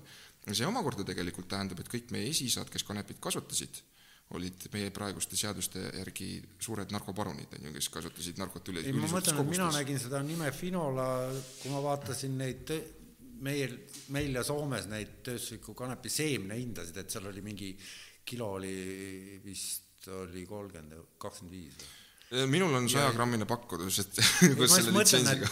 et, et, et see kilo, ma just tegin oma peas rehnutti, et Saaremaa on ju Eestis jälle kõige mm. rohkem mm. on neid pinda, ma su suvitan seal ja vaatasin, sõidan seal autoga ringi, vaatan kanepipõllud igal pool wow. ja ja, ja siis, siis ma vaatasin netist, et mis siis toimub ja ja et, et kui palju maksab ja mis tulu, noh, et, et kas mm. on nagu kasum ja, ja siis, et kilo seemet ja et kui palju hektareid ja kui palju siis seemet kulub ja palju kasumit saab ja siis küsisin ka kasvataja käest seal, aga ta ütles, tal esimene aasta, et ta veel ei tea, et et ma just mõtlen, et kui see nüüd legaalseks läheb, siis kukuvad kõik seda ju DHC-d ju kasvatama. ei no selles mõttes nad võivad kukkuda kasvatama ükskõik äh, mida ja ma siiralt loodan, et nad kasvatavad niisuguseid sorte, kus on nii DHC-d kui CBD-d, sest meil on üks nagu turuprobleem on selles, et meil on DHC üleküllus, mis võib äh, viia siis nende ebasoodsate tulemuste, tulemusteni. praegu keskmises turukanepis on umbes null koma üks kuni null koma null üks protsenti CBD-d ja siis DHC content on umbes äh, noh, kümme, viisteist, kakskümmend. no DHC-d ju müüaksegi. jah, DHC-d just müüaksegi, aga point ongi selles, et kui joostakse samamoodi nagu see mustturg just selle DHC peale, siis me saamegi selle olukorra, kus inimesed tarvitavad sellist asja, mis võib neile, vähemalt osale nendest potentsiaalselt halvasti mõjuda. et pigem, pigem ma loodan, et nad tarv-, kasvatavad seda kanepit, kus on olemas ka CBD ja kus on DHC protsent suurem kui praegune null koma kaks et mida nad seal täpselt äh, kasvatavad, seda ma ei oska öelda. ent sealsamas Kanadas on täheldatud, et äh, vanemad inimesed, kes on äh, tegelikult peamine kontingent, kes üldse seda kanepit ostavad, pensionärid, oota, see on küll huvitav, pensionärid on no, peamine kõik, kontingent. okei okay,, peamine kontingent võib-olla ei ole kõige õigem väljendamisviis, aga nad on kõige kiiremini kasvav ostugrupp see, see on väga lihtsalt ütleme, teadlikkuse tõus on kiire vanurite hulgas, et neil nemad saavad kõige rohkem abi sellest no. vanuritel on näiteks üks selline asi, et äh, mida vanemaks muutud, seda halvemaks ja lühemaks muutub uni. kui sa saad vähe und, see päädib neurodegeneratiivsete haigustega, Alžeimer, Parkinson, dementsus, sellised asjad, see, kuna sa magad vähe, need äh, uuringud on leidnud, et äh, aju kuivab täiesti sõna otseses mõttes kokku ja noh ja kanep nüüd aitab selle vastu, et ta pikendab und ja see jaa, ta parandab unerütmi ja, ja, ja just sest et pikk eluiga, pikk uni on omavahel seotud, see on ammu teada. näiteks ja, ja siis no on täpselt kõik need artriidid, liigesvalud, no mida vanem oled, seda rohkem asju sul valutab, on ju, ja kanep on väga hea valuvaigisti. No ja meil müüakse saate alguses ma tegin ju reklaamigi, et need CBD ja kanepiõli baasil need kreemid ja asjad liigesevalude vastu ja need on praegu juba Eestis või noh, need on olemas, eks. no ma leidsin äh, Tallinna Ülikooli raamatukogust äh, vanema raamatu kaks Eest-, kaks Vene impeeriumi arstitädi aastal tuhat üheksasada olid äh, kirjutanud oma sinna äh, almanahhi siis või noh, sellesse ravimtaimede raamatusse, et kannabis indica tinktuur on suurepärane menstruatsioonivalude leevendaja ta, indika on siis nüüd THC kanep. jaa, indikaks nimetati äh, seda kanepit, mis on äh, joovastavama toimega, aga noh, siit ei tasu nagu vaadata, et see on mingisugune taimeliik, et see on kõvasti keerulisem. mis see tähendab üldse? vanasti erinevad kanepid eristati nende päritolu järgi. Et oli kannabis kineesis ehk siis äh, Hiina kanep, oli näiteks kannabis äh, bologneesis, see on siis kuskil Bologna provintsis on siis Prantsusmaa või Itaalia või mis iganes, on ju, siis oli USA kanep, on ju, siis oli Aafrika kanep, Araabia kanep ja kuna kanep sisuliselt Indias äh, tekkis ja sealt hakkas nagu levima, siis äh, sellel kanepil seal Indias olid mingisugused, ütleme, spetsiifilisemad omadused, me teame, et need on joovastavamad, kuna äh, kanep tekkis seal kuskil Himalaia mä- mägedes, nüüd oli äh, suur kiirgus, vähe õhku, taim sai stressi ja kui taim saab stressida, toodab DHC-d ehk siis ta on siis natukene joovastavam ja, ja siis kõik nagu ütlesidki, et vot see India kanep, mis seal Indias kasvab, et see on joovastav ja siis nad hakkasidki seda nimetama indikaks. Et see, see, et äh, see ei lähe kuidagi tegelikult kokku mingisuguse spetsiifilise liigiga ja pole kunagi läinud, et kõik, kõik need taimetaksonid ütlevad, et meil on üks kanepiliik, kannabis sativa L. kannabis sativa ja siis Lamarcki järgi või siis linna järgi, et kes neid mis see sativa tähendab? sativa tähendab õlikanep, sativa peaks olema õline, kui ma ei eksi tõlkes. jah, mitte midagi muud seal ei ole. Ja sealt hakati siis arendama, et see kanep läks edasi teistesse laiuskraadidesse, mida põhjapoolsem on, seda vähem on DHC-d, seda rohkem on CBD-d, Hiinast läks see kanep edasi kuskile äh, Venemaale, seal äh, Hiina teadlased väidavad, et sealt arenes välja see kanep, kannabis ruderalis välja, mida me teame kui metsik kanep, ruderalis on metsik, eks, ja, ja siis ülejäänud, et kus iganes seda kasvatati, siis tõenäoliselt kuskil hakati nimetama seda siis lihtsalt sativaks. ja siis leiti, et vot kui ma võtan seda sativat näiteks kuskil Poola aladelt, siis ta ei ole nii joovastav kui India kanep, järelikult on kaks eri liiki, et meil on siis indika ja meil on siis sativa ja noh, ma kujutan ette, et umbes niimoodi see eristus hakkaski, hakkaski liik-, liikuma. aga kui nüüd eh, see, mis meil juba on legaalne, see, mida arstid välja ei kirjuta, aga võiks mm. kirjutada. Nad võiksid kõike välja see kirjutada. siis on sati, kas nad, retsept peakski välja nägema, et kannabis, indika ja siis mingi kaks grammi või, või sativa neli grammi? Pedrokanis on äh, minu, Pedrokan on Hollandis ametlik ravikanepi tootja, kellel on äh, minu meelest kaheksa erinevat toodet ja siis igal tootel on oma nimi ja siis igal tootel on välja toodud, mis on see DHC äh, protsent ja mis on see CBD protsent, seal on täisspekter, et on niisugused, kus on CBD-d palju, DHC-d vähe ja siis on vastupidised, kus on DHC-d palju ja siis CBD-d vähe ja siis on mingisugused vahepealsed. eks, ja sõltuvalt sellest, mida patsiendil on tarvis, sõltuvalt siis nendest eh, molekulide omadusest ja patsiendi eh, probleemist, siis arst peakski välja kirjutama, et sina siis pead võtma seda nii-öelda pedrolaiti või siis ma ei tea, pedrobinooli või midagi niisugust, et noh, neil on niisugused nimed, nimed pandud, mis see tähendab? Tegelikult, sisuliselt see läheb nende toimeainete kontsentratsiooni juurde. Et kui palju DHC-d ja kui palju CBD-d seal on, vastavalt sinu sellele haigusele või probleemile no see on umbes samamoodi siis nagu sigaretipaki peal on mit- milligrammides tõrv nikotiin, et siis hakkab olema nagu mul, mulle meeldiks ibuprofeen, ibustar ja mingid siuksed asjad rohkem kui sigareti võrdlus, aga sisuliselt ma saan ei, ma lihtsalt ei tea neid ibustaare, aga suitsetaja ma olen ja noh mm., suitsupaki pealt ma vaatan, et noh, et lahjemad suitsud on noh, et aga enam ei saa, seal võeti ära ju. vot sa- ma tõmban rulltubakat nüüd, et ah,, et okei. ma, ma, ma ei teagi, mis seal sees no on. meie, meie te- tervisespetsid arvasid, et äh, kõik äh, tubakatarvitajad peaksid olema nii teadlikud, et kuidagi hiromantlikul viisil aru saama, palju on seal äh, nikotiini, tõrva ja kõike muud sees. alguses olid seal tõepoolest kleepsud, mis kirjutasid, et sul on siin näiteks kuus need milligrammi tõrva, neid enam ei ole seal. Need katkise soolika pildid pandi siis selle asemele jah nagu, või? jah, et sa saad igast suitsust katkise soolika, aga sa, aga sa võid kogemata sassi ajada punase ja valge näiteks. huvitav, milline ametnik see välja mõtles või, ma ei tea, ma ei kujuta ette. kurat, et see on kummaline, kuidas ikka ütleme, jah, et selles mõttes, et inimene peaks tegema teadlikku otsust, on ju, aga ta saab teadlikku otsust teha mingisuguse äh, suitsuga luti vahel ja siis katkise soolika vahel, mitte selle järgi, palju seal toimeainet sees on. No niimoodi, nüüd me oleme kaks tundi rääkinud, et mis sa nüüd siis eh, tahaksid eh, lõpetuseks eh, lõpetuseks ma tahan öelda, et minge kõik vastama, mida rohkem on inimesi, kes vastab, seda keerulisem on seda teemat eirata või kuidagi ütle uuesti kuu. et nelisada kakskümmend estonia.ee, seal on kaks küsimustikku, need vastused lähevad siis analüüside kujul ja tõenäoliselt ka siis toore andmestiku kujul ähm, komisjonidesse arutamisele, ma edastan need ja mida rohkem on seal vastuseid, seda keerulisem on äh, seda temaatikat eirata. minu põhisõnum on, et mina ei taha, et meil alaealised tarvitaks, mina ei näe probleemi selles, et täisealised inimesed, kes on teinud teadliku valiku äh, kanepi tarvitamise kasuks peaksid olema kuidagi karistatud selle eest ja minu põhi, põhiasjad, mida ma soovin, et see seadusandlik, seadusandlus sihiks, oleks siis äh, vanusepiirang, oleks siis maksud ja et need maksud läheksid näiteks uimastiennetusesse. aitäh tulemast.